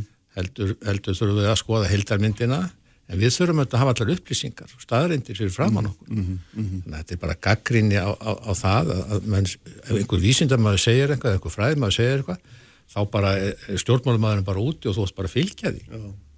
Það er nú það sem þinn heilbriðis á þeirra hefur gert komin. Vilt nákvæmlega fyrir mann svo tónnalegnis. alltaf, Já. held ég, nema einu sinni kannski. og, og, Þá vandaðanum við hana daginn eftir. og ríkistjórnin tekið heilsugar undir það. Ég, ég skil eiginlega kollega minn ekki og það er endur ekki nýtt. Það, það gerist nánast okkar en deg en, en, en óvenju slemt núna. Ég, hvað, um hvað, mér, mér finnst eins og hann er mitt átt sig ekki alveg á því hvernig kaupin gerast á eirinni, sko. Mm. Sóttarnalækni leggur eitthvað til. Síðan er það pólitísk ákvörðun. Hvort er ég að fara eftir því eða ekki? Hvort er ég að bregða út það, hvort er ég að gera svona eða hinsegin eða bara ég að segja, herðu, takk, unnur, þetta var ágætt minnisbræði, við ætlum ekki að fara eftir því núna, við ætlum að halda áfram. Það er pólitísk ákvörðun. Það ákvörðun hafa stjórnmálamenn tekið frá fyrsta degi veirunar hér á landi. Að, já, við ætlum að fara eftir sótunar aðgjörum. Framan að voru við öll meirið að minna gríðarlega ána með það ákvörðun, börðum okkur aldrei að brjóst hér að Ísland væri heppið að eiga stjórnmálamenn sem færu eftir tilögum hérna svotanar yfirvalda öfugt við til dæmis bandaríkin og þá nefndum við nótt Breitland hérna munum við eftir þessu umræðu hér í vor. En það breytir engu um það hver einasta ákvörnu sem hefur verið tekin er ákvörnu stjórnmálumann þannig að allt þetta tala um að stjórnmálin ráði ekki stjórnmálin svona verði samfélag ekki stýrt, nei svona verður samfélag ekki stýrt, en það er það ekki Ég þannig hef ekkert allt með þessu. Já, þú varst að segja hérna rétt á þann, svona verði samfélagi ekki stýrt. Samfélagi er stýrt þannig að stjórnmálamenninir taka ákvörðun. Ef að setja þetta í eitthvað annað samingi sem við þekkjum, þar sem okkur einasta ári, Havró kemur með vísindagögn og segir við sjárútsræðura, herðu, við leggjum til svona mikið foskóta. Það eru vísindamenn sem betur fer, um við búin gefið til þess að stjórnmálamenninni segja, já, Það er ákvörðun stjórnmálamannsins og ríkistórnarinnar hverju sinni, mm -hmm. sáraðsáðurans og ríkistórnarinnar, alveg eins og núna er það ákvörðun heilbriðsáðura og ríkistórnarinnar hverju sinni við ætlum að fara eftir þessu. Og ég held að því að Brynja talaði hér um að hefði ekki, já, það er greinlegt að þú skilur ekki því Nei, ég, ég, ég, skilur ég, ekki ég hvað hef er að sagt þetta er ábyrg stjórnmálumann fyrir ákvarðinni þeirra. Þú sagðir hérna rétt á það Brynjar, ég er að svara því að svona verði samfélag ekki stýrt og ég er að segja, já, það er rétt enda er því ekki stýrt þannig. Því er ekki stýrt af sóttvarnalækni, heldur á Ríkistjón Íslands í hverju okkar ég er ba- begja sitja. Já, ég er bara að tala um að vísindin, ég, þú ert að blanda ykkur ólíku saman, ég er bara að segja, vísindin er bara eitt, sko. Mm Samfélagið er ekki vísindalega úrlöð, sko. En við notum auðvitað þekkingu til þess að taka, geta tekið bestu ákvarðanar. Það eru við sem tökum ákvarðanar, ekki Þórólfur eða Alma. Við Alveg eins og hefur við verið berum- frá fyrsta degi. Já, já, ég hef aldrei sagt það heldur. Er En bara, ertu þú ekki bara ánöður? nei, ég, jú, jú, ég, ég er bara ekkit ánöða með ákvarðanar. Nei, en ekki vera þá Nei, þú ert að blanda ykkur ólíku saman. Ég er bara að segja það eins og krafan er að leið og einhver alltaf að fara mm. einhver stjórnmálumenn alltaf ekki að fylgja einhverju vísindum þá bara fer allt, fara allir bara afturlætnum þessi bara eitthvað stór hættilegu maður. Þú verður að hættu sem fórnarnamsveitverki, það ferðir ekki vel sko. Já, það er ég- enginn sem hefur sagt þú hefur svílikt plattform til að segja hvað sem þið sýnist og þú vælir eins og stungin grís. Já, Ég hann- hérna- það, það er nöðsilegt það er nöðsilegt Fyrir ekki að það, Þorgerður. Þetta er kannski svolítið búið að vera einkennandi síðustu uh, daga og, og vekur í þinginu að, að svona alltaf því að við í stjórnarnastunni getum hallað okkur aftur og, og stjórnarflokkarnir eru svolítið að kýta og karpa. En ég segi nú að ég að því leitinu til vil ég taka undir með Brynjari hvað það var þar að við þurfum umræðin og ég, mér finnst Kol, Kolbett líka vera að segja það saman, við þurfum umræðina Við, og við í viðreist við höfum kallað eftir einmitt umræðu um þessar sóttvarnaraðgerðir inn í þingið og, og að okkar frumkvæði að þá voru umræður í síðustu viku einmitt um sóttvarnaraðgerðunar og, og hérna saknaði þess kannski að þetta frumkvæði hefði kannski komið frá þeim sem að voru hvað mestir í efasemdunum út af þessu. En eftirstendur að, að við getum haft ákveðna skoðunar og það er ekki óverlegt og við eigum að kalla þar fram. Við erum með skoðunar að því til dæmis hvort að það sé rétt að hleypa fólki í það eða persónamentu og öðrum í það, sóttvarnarlækni að skoða til með skreitutkortafæslur og svo framins. Þetta eru eðlilega spurningar sem við líðræðislega kjörnir uh, þingmenn eigum að setja fram. Stóramyndin mínum huga er að það voru öruglega gerð einhver mistök, ekki spurning og sóttvarnarlækni sjálfur hefur kallað eftir þessari umröðu og mista frábært. Mér finnst þetta bara svo gaman að sjá hvernig Alma og, og, og Þórólfur og Víður hafa einmitt verið að segja, heyrðu, þetta er svona upplikið á okkar hálfu, ræði þið þetta frekar, takið þið þetta lengra komið þið með það, þau sjónami sem að ykkur er falið að hálfu kjósund og mér finnst þetta að vera svo dýnamisk umræða en ég segi, En hún stóra hefur máli verið á þrungum Algjörlega. ríkstjórnum lítið á þinginu. Já, það var náttúrulega pólitísk ákvörðun tekinu það að hálfu ríkistjórnar, strax í upphafi Mhm. að hafa ekkert samráð og tengja ekki þingi. Það var pólitísk ákvörðun í upphafi sem að þeir, Það sem við höfum verið að segja í viðrist, já, það verður að fara vel yfir þessar aðgerðir, allar saman, en okkur finnst vanta sérstaklega þegar aðdrega ríkar ákvarðanir eru teknar, eins og það að loka í rauninni fyrir landið á sínu tíma í, í ágúst, þá vantaði þessar stóru ákvarðanir samhliða í efnaðarsækjunum. Stóru skrefin í efnaðarsækjunum, þau byðu. Og það er það sem að okkur hefur vant, fundist vanta að samhliða sterkum sóttvarnaraðgjörum séu sterkar efnaðarsækjunir. Og ég vil benda á að uh, þessi stóra mikla þjóð eins og þjóðverjar, 80 miljónum manna, uh, sem að fylgist vel með uh, út af mörgum hlutum að maður tengist Ískalandi að það er svo dásalmegt að sjá þeim hefur gengið ágætlega en nú er faraldurinn algjörlega á uppleið núna það er verið að loka og það er erfitt að, að, að, að tengja þetta allt saman að því búndislöndin eru mjög sjálfstæð en hvað er alltaf á hreinu? Það er alltaf efnaðarsakirnar, það eru tilbúna fyrir lítil fyrirtæki, meðalstóru fyrirtæki, fyrirtæki einirkjana sem að hafa svolítið svona lendamöndi skips og bryggju hérna heima auðvitað, þú veist, þetta er risa verkefni og ég ætla ekki og alls ekki að segja að ríkistjóðin hafi staðið sér illa, þvert á móti. En það eru þarna ákveðin atriði sem að sem að við höfum sagt að vantar þessi stóru skref og það vantar á endanu núna að þetta samráð sem, að, sem að við höfum verið að kalla eftir. Þess vegna fagna ég að hann Brynjar skulle vera komin inn í þingið og, og hérna fyrir utan að það er alltaf gaman að eiga samtalið við Brynjar. Hann skulle vera fann að rífa kjátt um þetta eins og annað. Já, en svo náttúrulega verður við að sjá Við, við, sko. við vinnum við að rífa kæft. Já, já, já, allt til að Já, en svo- svo ég, til dæmis- ég, sjá- við að fá ykkur til þess, þannig ég er ekki óhana með það, Já, síður en, svo. en vísindalega, sko, vísindalega nálgunum, við höfum eina allmis atvinningrein það sem, sem grundvallast einmitt á vísindalegri ráðgjöf og það er sjáurðugur. Mhm. En á endanum er alltaf pólitísk ákvörðun að fara eftir vísindaráðgjöfni en við byggjum á henni. Fiskveikeri byggir ekki á henni, það er bara hvað við veiðum mikið byggjum á henni. Já, pólitískar það ekki byggja vísind- á vísindaráðgjöfinni frá Hafró. Já, það er ekki vísindamenn sem hafa lagt til hvernig fiskveikerfið er sko.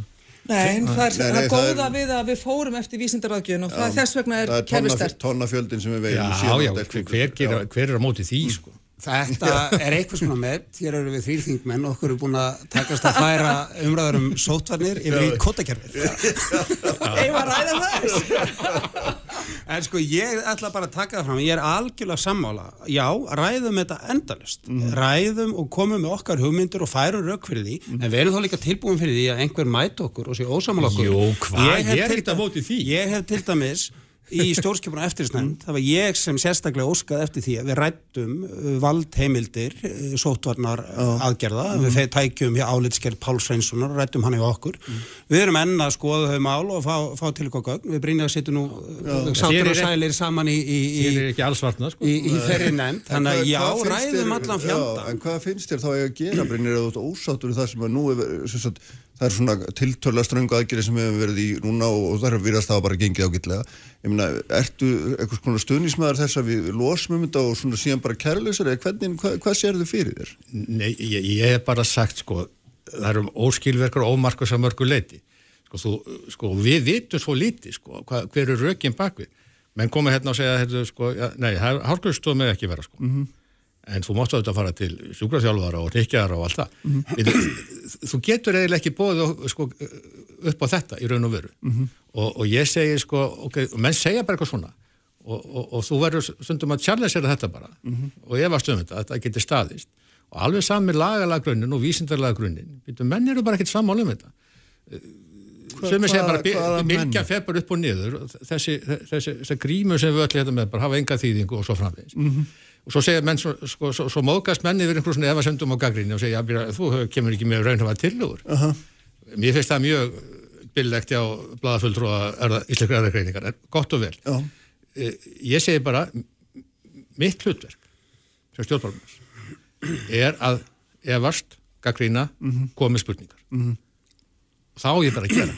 Og það gerum við og það hafa fleiri gert en ég og, og hérna, og menn get ekki bara móðgást í því og sett bara þú, þú er bara hérna, vilt bara drepa fólk og, og þú bara ert óábyrgur og eitthvað svona.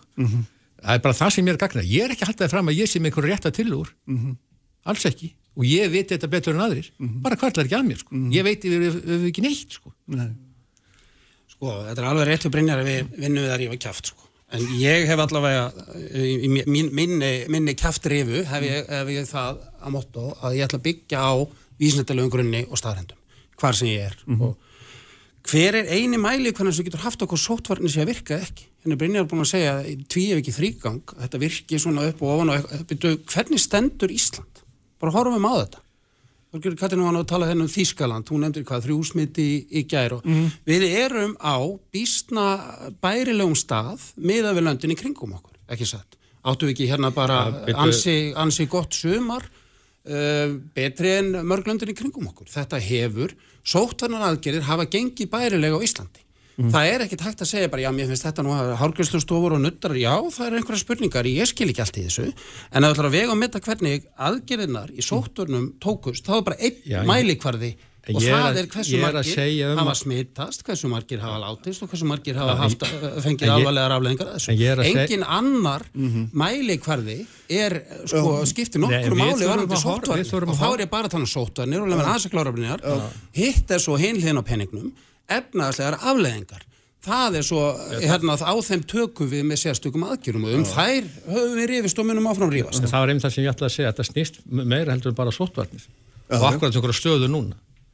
Og við verðum að taka það inn í jöfnun þegar við erum að ræða þetta, hvað afleðingar þetta hefur og svo framvegis. Þess vegna þú getum sagðir, við sagðir- efnaðslegar afleðingar en það er ekki tægt að gaggrina sóttvarnir út frá öðru en þessum tölum En þú sagðir að, að þetta hérna, orkaði allt tímanlega og menn vissi ekki neitt en það sem við þó vitum, ég held við getum verið alveg örugum að hérna, því færri sem hittast og, og hérna, þeim en harðari sem aðgerðnar eru, þeim en fljótari eru við að, að þarna ná tökum. Það er Nei, alveg bíddu, auðvist. við gerðum það og svo kemur, kemur þetta aftur. Sko. Já, það er því við losuðum. Nei, nei, ég menna aðrir losuðu ekkert, ég menna menn voru hérna í, í Evrópi viða, Mm. mjög strangar aðgerði alls sumar, samt voru bylgjan upp. Að eins og var sagt í upp að Já, það myndi gerast Já, já, já, já, já, já, já þess heldur sko. Já. Að Þá, þá, þá spyr maður sko, eru þessar aðgerðir að gagnast okkur? Er, skipta það svona miklu máli?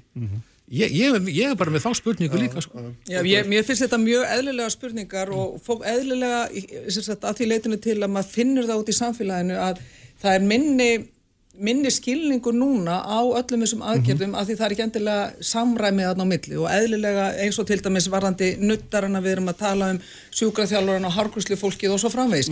Það er verið að spyrja eðlilega spurning og það er það sem að við höfum kannski gaggrind líka er að það er þessi ákveðna óreiða upplýsinga og þá bara er það eitthvað sem stjórnut eiga að taka til sín, þetta er vel meint. Af því þetta er líkillina því að með auknum skilningi þá eikst samstæðan og það er algjört líkilatri svo meðum við ekki gleyma því að það var náttúrulega dásamlega fréttir í vikunni varðandi bóluefni og það er eitthvað sem við hangum í og við segjum já gott og vel við erum tilbúin til að sæta ákveðni takmörkunum að því við höldum í frelsið að það kemur síðan, það kemur með bóluefninu og við verðum bara einfallega að sína þess að þólumæði, það verða að gera mistök en, en ég vil bara draga fram að þetta bóluefni er og þessar fréttir eru einstakar og náttúrulega undistrykka það hversu mikilvægt það er að vera í góðu Evrópusamstarfi enn og aftur. Má ég skjóta við henni að því að hér er að talað um minni skilning, nýleg könnun sem bara komið gærið fyrir þetta, sýnir einmitt að staðan er þver öfug. Æ fleiri sína sótturinn skilning og æ færrum finnst að efnaðslega Uppspretta frétta á Sprengisandi á Bylgjunni. Kraftmikil umræða alla sunnudasmórna. Sprengisandur á Bylgjunni. Sælir aftur hlustundur, Kolbjörn Óttarsson Brópe, Brynja Níelsson og Þorgjörður Katrín eru hérna hjá mér og svona loka sprettinum í dag. Þorgjörður, hérna, stjórnarskrámáli er eitt af þessum málum sem ég veit að þú hefur mikið áhuga og það er, hérna, fórstinsræðurinn er búin að leggja fram fjögur, fjögur frumvörp til breytinga eða, já, til breytinga á stjórnarskráni eða fjögur ákvæði og þarna, þú ætlar að vera með í þremur, skils mér. Já. Já, en, en það stendur eitt út af öðlind ákvæði sem þú ætlar ekki að vera með í og hérna, en ég tók eftir því að Logi hérna, Einarsson sagði fyrir einhvern dögum að hérna, það er stál í stál í þessu máli og hann bóðaði stríð um stjórnarskrona en þú ætlar ekki að taka það í greinlega Nei, ég er bara einfallega trúð í vinnu fyrirkomuleg sem að ég er ekki ósátt við, það við mæl, sammæltum sér það, allir formenn stjórnmálaflokkana í upphafi kjörtíðanbils að fara í heildarendur skoðun á stjórnarskroni og deilaði yfir á tvö kjörtíðanbil. Ég hefði náttúrulega viljað klára það á þessu kjörtíðanbili en gott og vel við áfangaskiptum þessu og, og ákveðum að fara í svona fórsetakabla og koma með auðlinda ákvæði, koma með framsals ákvæði sem er gríðalega mikilvægt líka og býða með önnur ákvæði uh, fram á næsta kjörstjónbíl. Gott og vel. Ég hef ekki, og ég hef marg sagt það, ég hef ekki verið ósátt við uh, vinnufyrirkomulag og stjórnun formans vinstri græna. Ég vil freka tala um forman vinstri græna heldur og fórsættisráðra hér, af því að ég horfi svo á og lít svo á að þetta eru forman flokkana sem koma að þessu. Um, síðan er alveg ljóst að, og ég hefði alveg geta farið í þetta, vera bara á móti þessum frumvörpum öllum fórsættakablanum, íslensku ákvæðinu, uh, umhverfisákvæðinu sem ég er mjög sátt við, uh, bara til þess að fara í einhvern pólitíska legg. Ég vil ekki fara þangað, ég vil vera trú því uh, fyrirkomulega sem við sammæltust um, en síðan auðvitað er eru ákveðnar uh, víglunir sem er verið að draga, pólitíska víglunir. Og það er bara pólitík að, að það auðlinda ákvæði sem að, sem að formaði vinstri græna setur fram er að mínumati þannig gert að það uh, eigður öllum vafa útgerðamönnum í haga mínumati en, en eiginlega ítur undir ennfrækari vafa undir rétt þjóðarinnar. Ég tel, ég tel að í rauninu vera stór hættilegt. Það vantar algjöra skýra tímabindingu inn í það auðlinda ákvæði sem að nú er og talandu stríð, já við getum farið í stríð út á því og við munum fara í stríð, ég hef, hef líka sagt það. Síðan sakna ég þess að við ræðum ekki framsálsákvæði sem að felur ekki í sig það að við ætlum að gangi í Evropasamöndi. Það felur einfallega í sér það að við gerum það sama og norðmenn gerða á sínum tíma að breyta stjórnarskráni þannig að stjó, þjóðin sjálf, ekki stjórnmálafólkið, heldur þjóðin sjálf gæti ráðið því hvaða skref hún tæki í alþjóðasamfunni. Þjóðin hefur ekki það tæki í þetta og þess vegna segi ég um leið og ég er sátt og ég ætla að vera bæði út frá málefnalegu sjónamöðum en líka bara út frá efninsinni halda á þessum þremu frumvörpum þá er ég gríðalega ósátt uh, við það að við erum ekki að ræða framsalsákvæði sem var búið að búa og samþykja, ég tel að vera brot ég tel að vera svik á samkúmulagi og síðan þetta umgun að verða auðlinda ákvæði sem, a, sem að nú er verið að, að, að tala um. Uh, og við skulum skoða það að auðlinda ákvæði sem er verið að setja fram núna ég spyr hvaða lögum á að breyta samlega það er engum lögum breytt samlega það er bara verið að tryggja núverandi ástand. Og með því að tryggja núverandi ástand þá erum við að tryggja enn frekar rétt útgerðinar í staði fyrir að treysta rétt þjóðarinnar. Og þetta segir mér það að þessi framlækninga á auðlinda ákvæðinu núna það er, sko, formanni vinstri græna er meira umhugum það að halda hér utanum ríkistjórnina og ríkistjórna samstarfið heldur að halda utanum þjóðina og rétt hennar. Já, tökum bara rauðina, Brynjar Hvað segir þú um þetta? Stjórnarskrámálið ertu hérna, ég, þú ert náttúrulega bara með þá skoðan það eigi geta kröku stjórnarskráni. Nei, nei, nei, nei, það er allrannsjáður sko, þetta mér finnst allt vera tómt klúðu sko, alveg frá því að, menn hérna þegar eh, þjóðin er að blæða út 2009 og 10 og þá eru menn að eða allir orkunni í, í þessa stjórnarskrá og mm. einhverja nýja stjórnarskrá og allt finnst mér þetta klúður og, og, og, ég, og hérna núna er, er, er það mjög gott að, að þessi ríkistjórn hafi nú tekið upp því að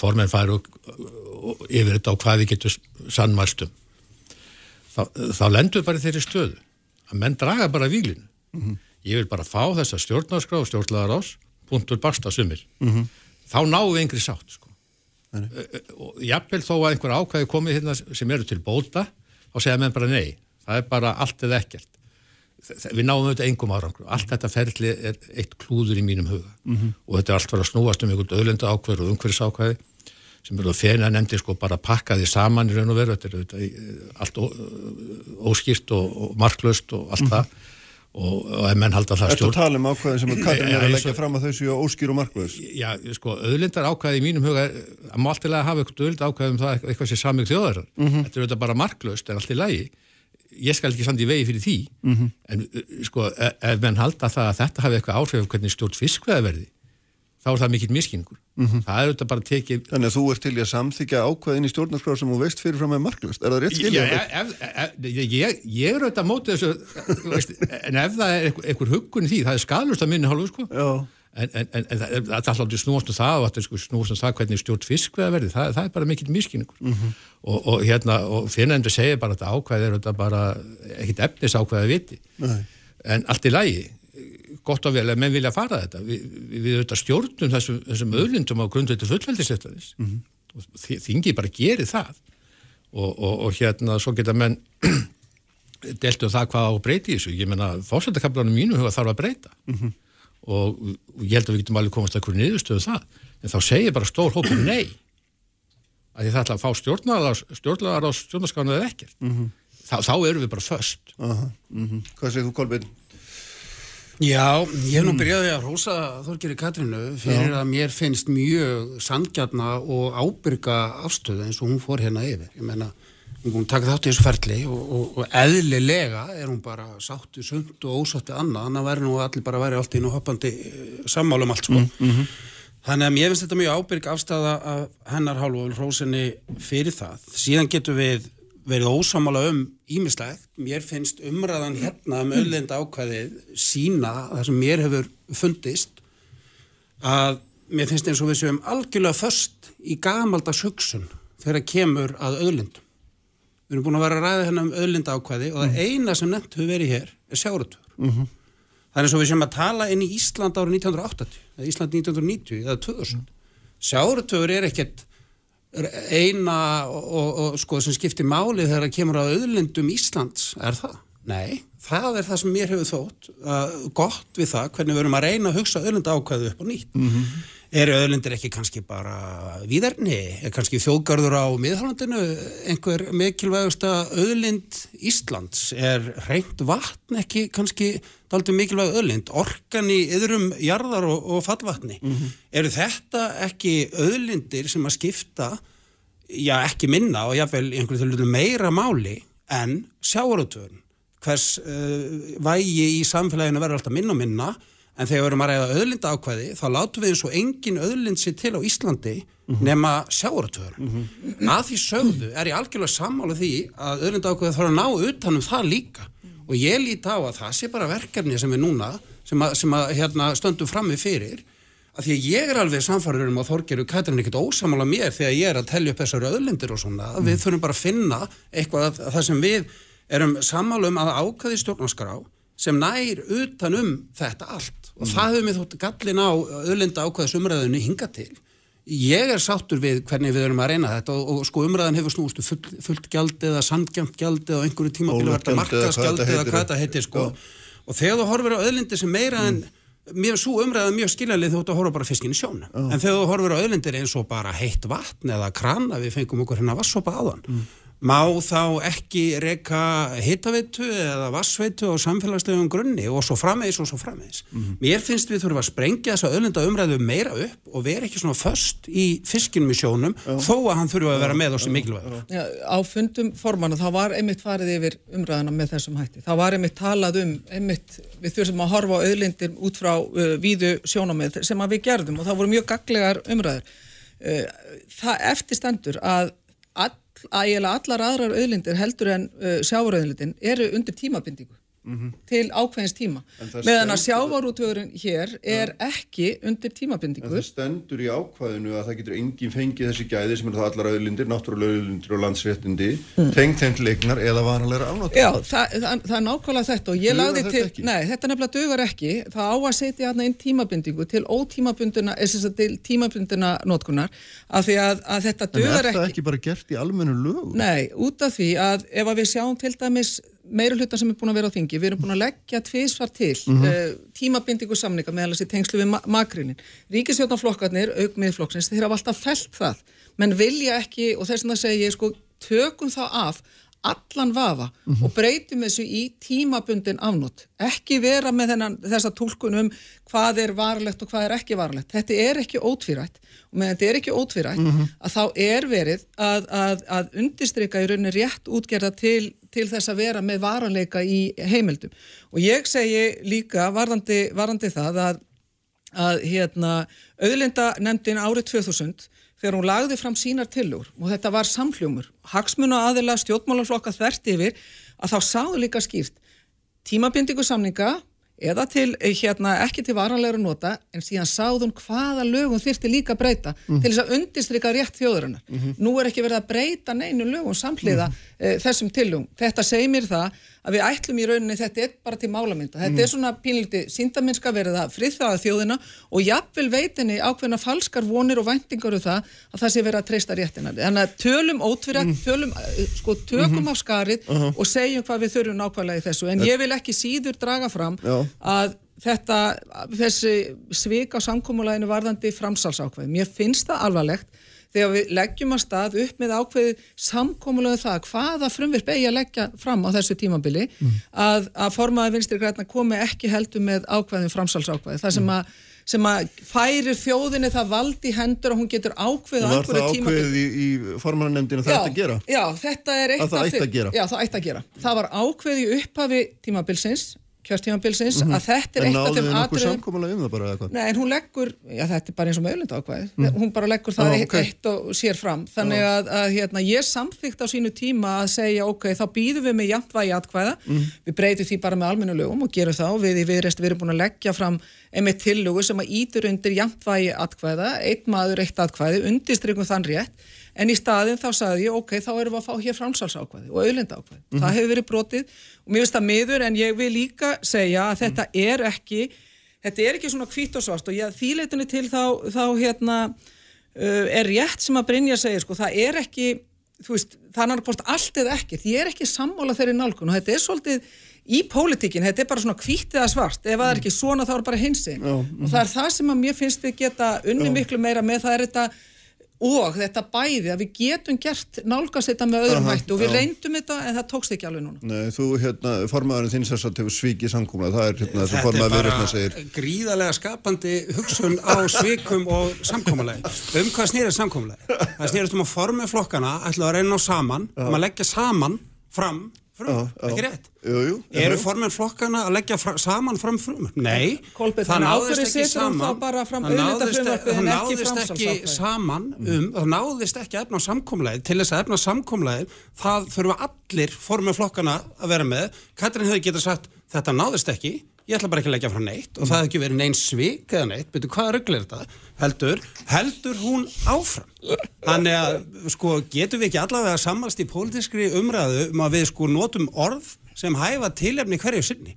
Ég er dáist að Katrínu fyrir að þó ætla að halda áfram þrátt fyrir að aðrir formenn stjórnmálaflokkana ætla ekki að vera með. Mér dettur ekki í huga að tala um svik í því samengi, samkomlaði varum að reyna að ná saman, það náðast ekki. Hættum að nota svona orð. Ja, við eigum að hafa metna til þess og ábyrð að geta breytt stjórnarskránu og þegar er lagt upp með ákveðið uppleika þá eigum við að vera síðan að þann heiðarleika að vinna samkvæmt því. Og það er það sem að ég er að kalla eftir en ég segi við erum að þokast, það er eitt og annað sem að hægt er að gera núna en það veldur mér óendalega miklum vonbreyðum að sjá auðlinda ákveð með þessum. Brynja, Síðan það er ég alveg sammála því og þau eru nú mörg af sammála kollega minnir hérna Já. hvort öðru, þannig ég ætla að vera sammálað með það. Þetta er ekki svart er að að fara í efnislega umræðu um ákvæði stjórnarskarunum það er tölurverið sigur. Já, hérna, við þurfum að fara að ljúka spyrna en þarna að því mér langar að vitna í loga, hann langar svo mikið að stopna vinstri stjórn og hann taldi held ég upp vafki og viðreist heldur að vera ekki, að vera gaman við það ríkstjórnabort.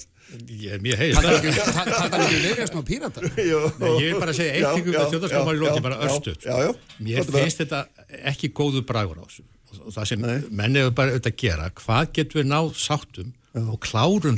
það klárum það? En það hefur alltaf verið svo lítið. Já, nú, það, sko, sjá, sjáðu, nú ætlar sko hluti við reysna að vera með einhverjum hluta frumvörpum. Allt þetta er alveg gali málsmeðferð, sko, í mínum huga. Og við getum alveg sleppt þessu. Þannig horfi ég á það. Ég segi bara... þetta heyrðu, sé, sé, sé tóntmál að tala um og dögt bara fyrirfram. Þú, það bara blasir við Jaha. en, en gott og vel, ég hef alltaf sagt sko, við getum alveg náð hérna góðri sáttum um fórsetakablan við getum náð góða sáttum þjóðaratkvæðagreyslu Akkur klárum við það ekki Akkur eru við öllu þessu þvælu út og suður Ég held þú ættir að byrja að tala við formann hjá, í þínu flokki áður en þú hérna tala svona. Mér finnst þetta að vera... Við erum að tala um að leggja fram frumvör Já. sem fari í málsmeðferð í þinginu sko. Er þetta ekki, og Þorgerur Katrin er að tala um að vera með á sumum eða ekki En hvaða árangur verður á Síðan tekur Já, þingið það er góð spurning. Ja, Sjáum En- sig, er hvernig Það það er verður. eigu ekki bara að vinna okkar vinnu er alveg- fælst í meirin að rífa kjáft Það er alveg gilt- að vinna, lesa mál og- Það er hins vegar og- alveg og gilt færa sem, að, áfram. sem hann, Brynja sagði, hann var að tala um grein í, í, í hérna í fyrir vikunni og, og það má alveg spyrja sig að því sko, þegar niðurstaðan er þessi erum við þá bara undir allræði sérhagsmuna? Maður, maður spyr sjálfa sig að því núna eftir, eftir þetta allt saman og, Brynjar erum að vinna er þannig. öryggana Það hlaut að, koma sér hagsmunum hugtækjum einu sinni en Já, þetta er bara þannig, Nei, þetta eru allt almanna hagsmunum Þetta er allt saman almanna hagsmunum. En það er gott að við út bjart sín fyrir hönd þessara frumvarfabrinni. Ég segi. Nei, ég meina, ég bara, ert þú bjart sín? Ég er mjög bjart þannig að við erum farin að ræða efnislega um þessu mál, þannig ég er mjög bjart síðan á þetta hafa að Af gera því að það. ég hef veit að alþingi er fullt af skynsumum fólki sem að hefur bara hérna, sest yfir þetta og tekur bestu ákvarðanar. Eitt skrif áfram er betra en ekki neitt. Gott er, heyrðum, takk allir, takk allir fyrir að koma fram og að, við erum rétt að hitna Ég núna. það, hérna, ég verði því miður að víkja, en við getum setið áfram bara saman. Hversu mikilvæg er þessar hátíðarsveit? Svona ef þú hugsaður út í. Ekki mjög, heyrðu, hérna, verðum að segja slokki í dag. Ívar Jóhann Haldursson stýrði útsendingu á venju og allt efnir á vísir.is og bilgjan.is og svo er hægt að finna okkur á Spotify og fleiri stöðum þar sem hægt er að hlusta á podcast. Svo verði ég með ykkur hér aftur eftir viku, verið sæl.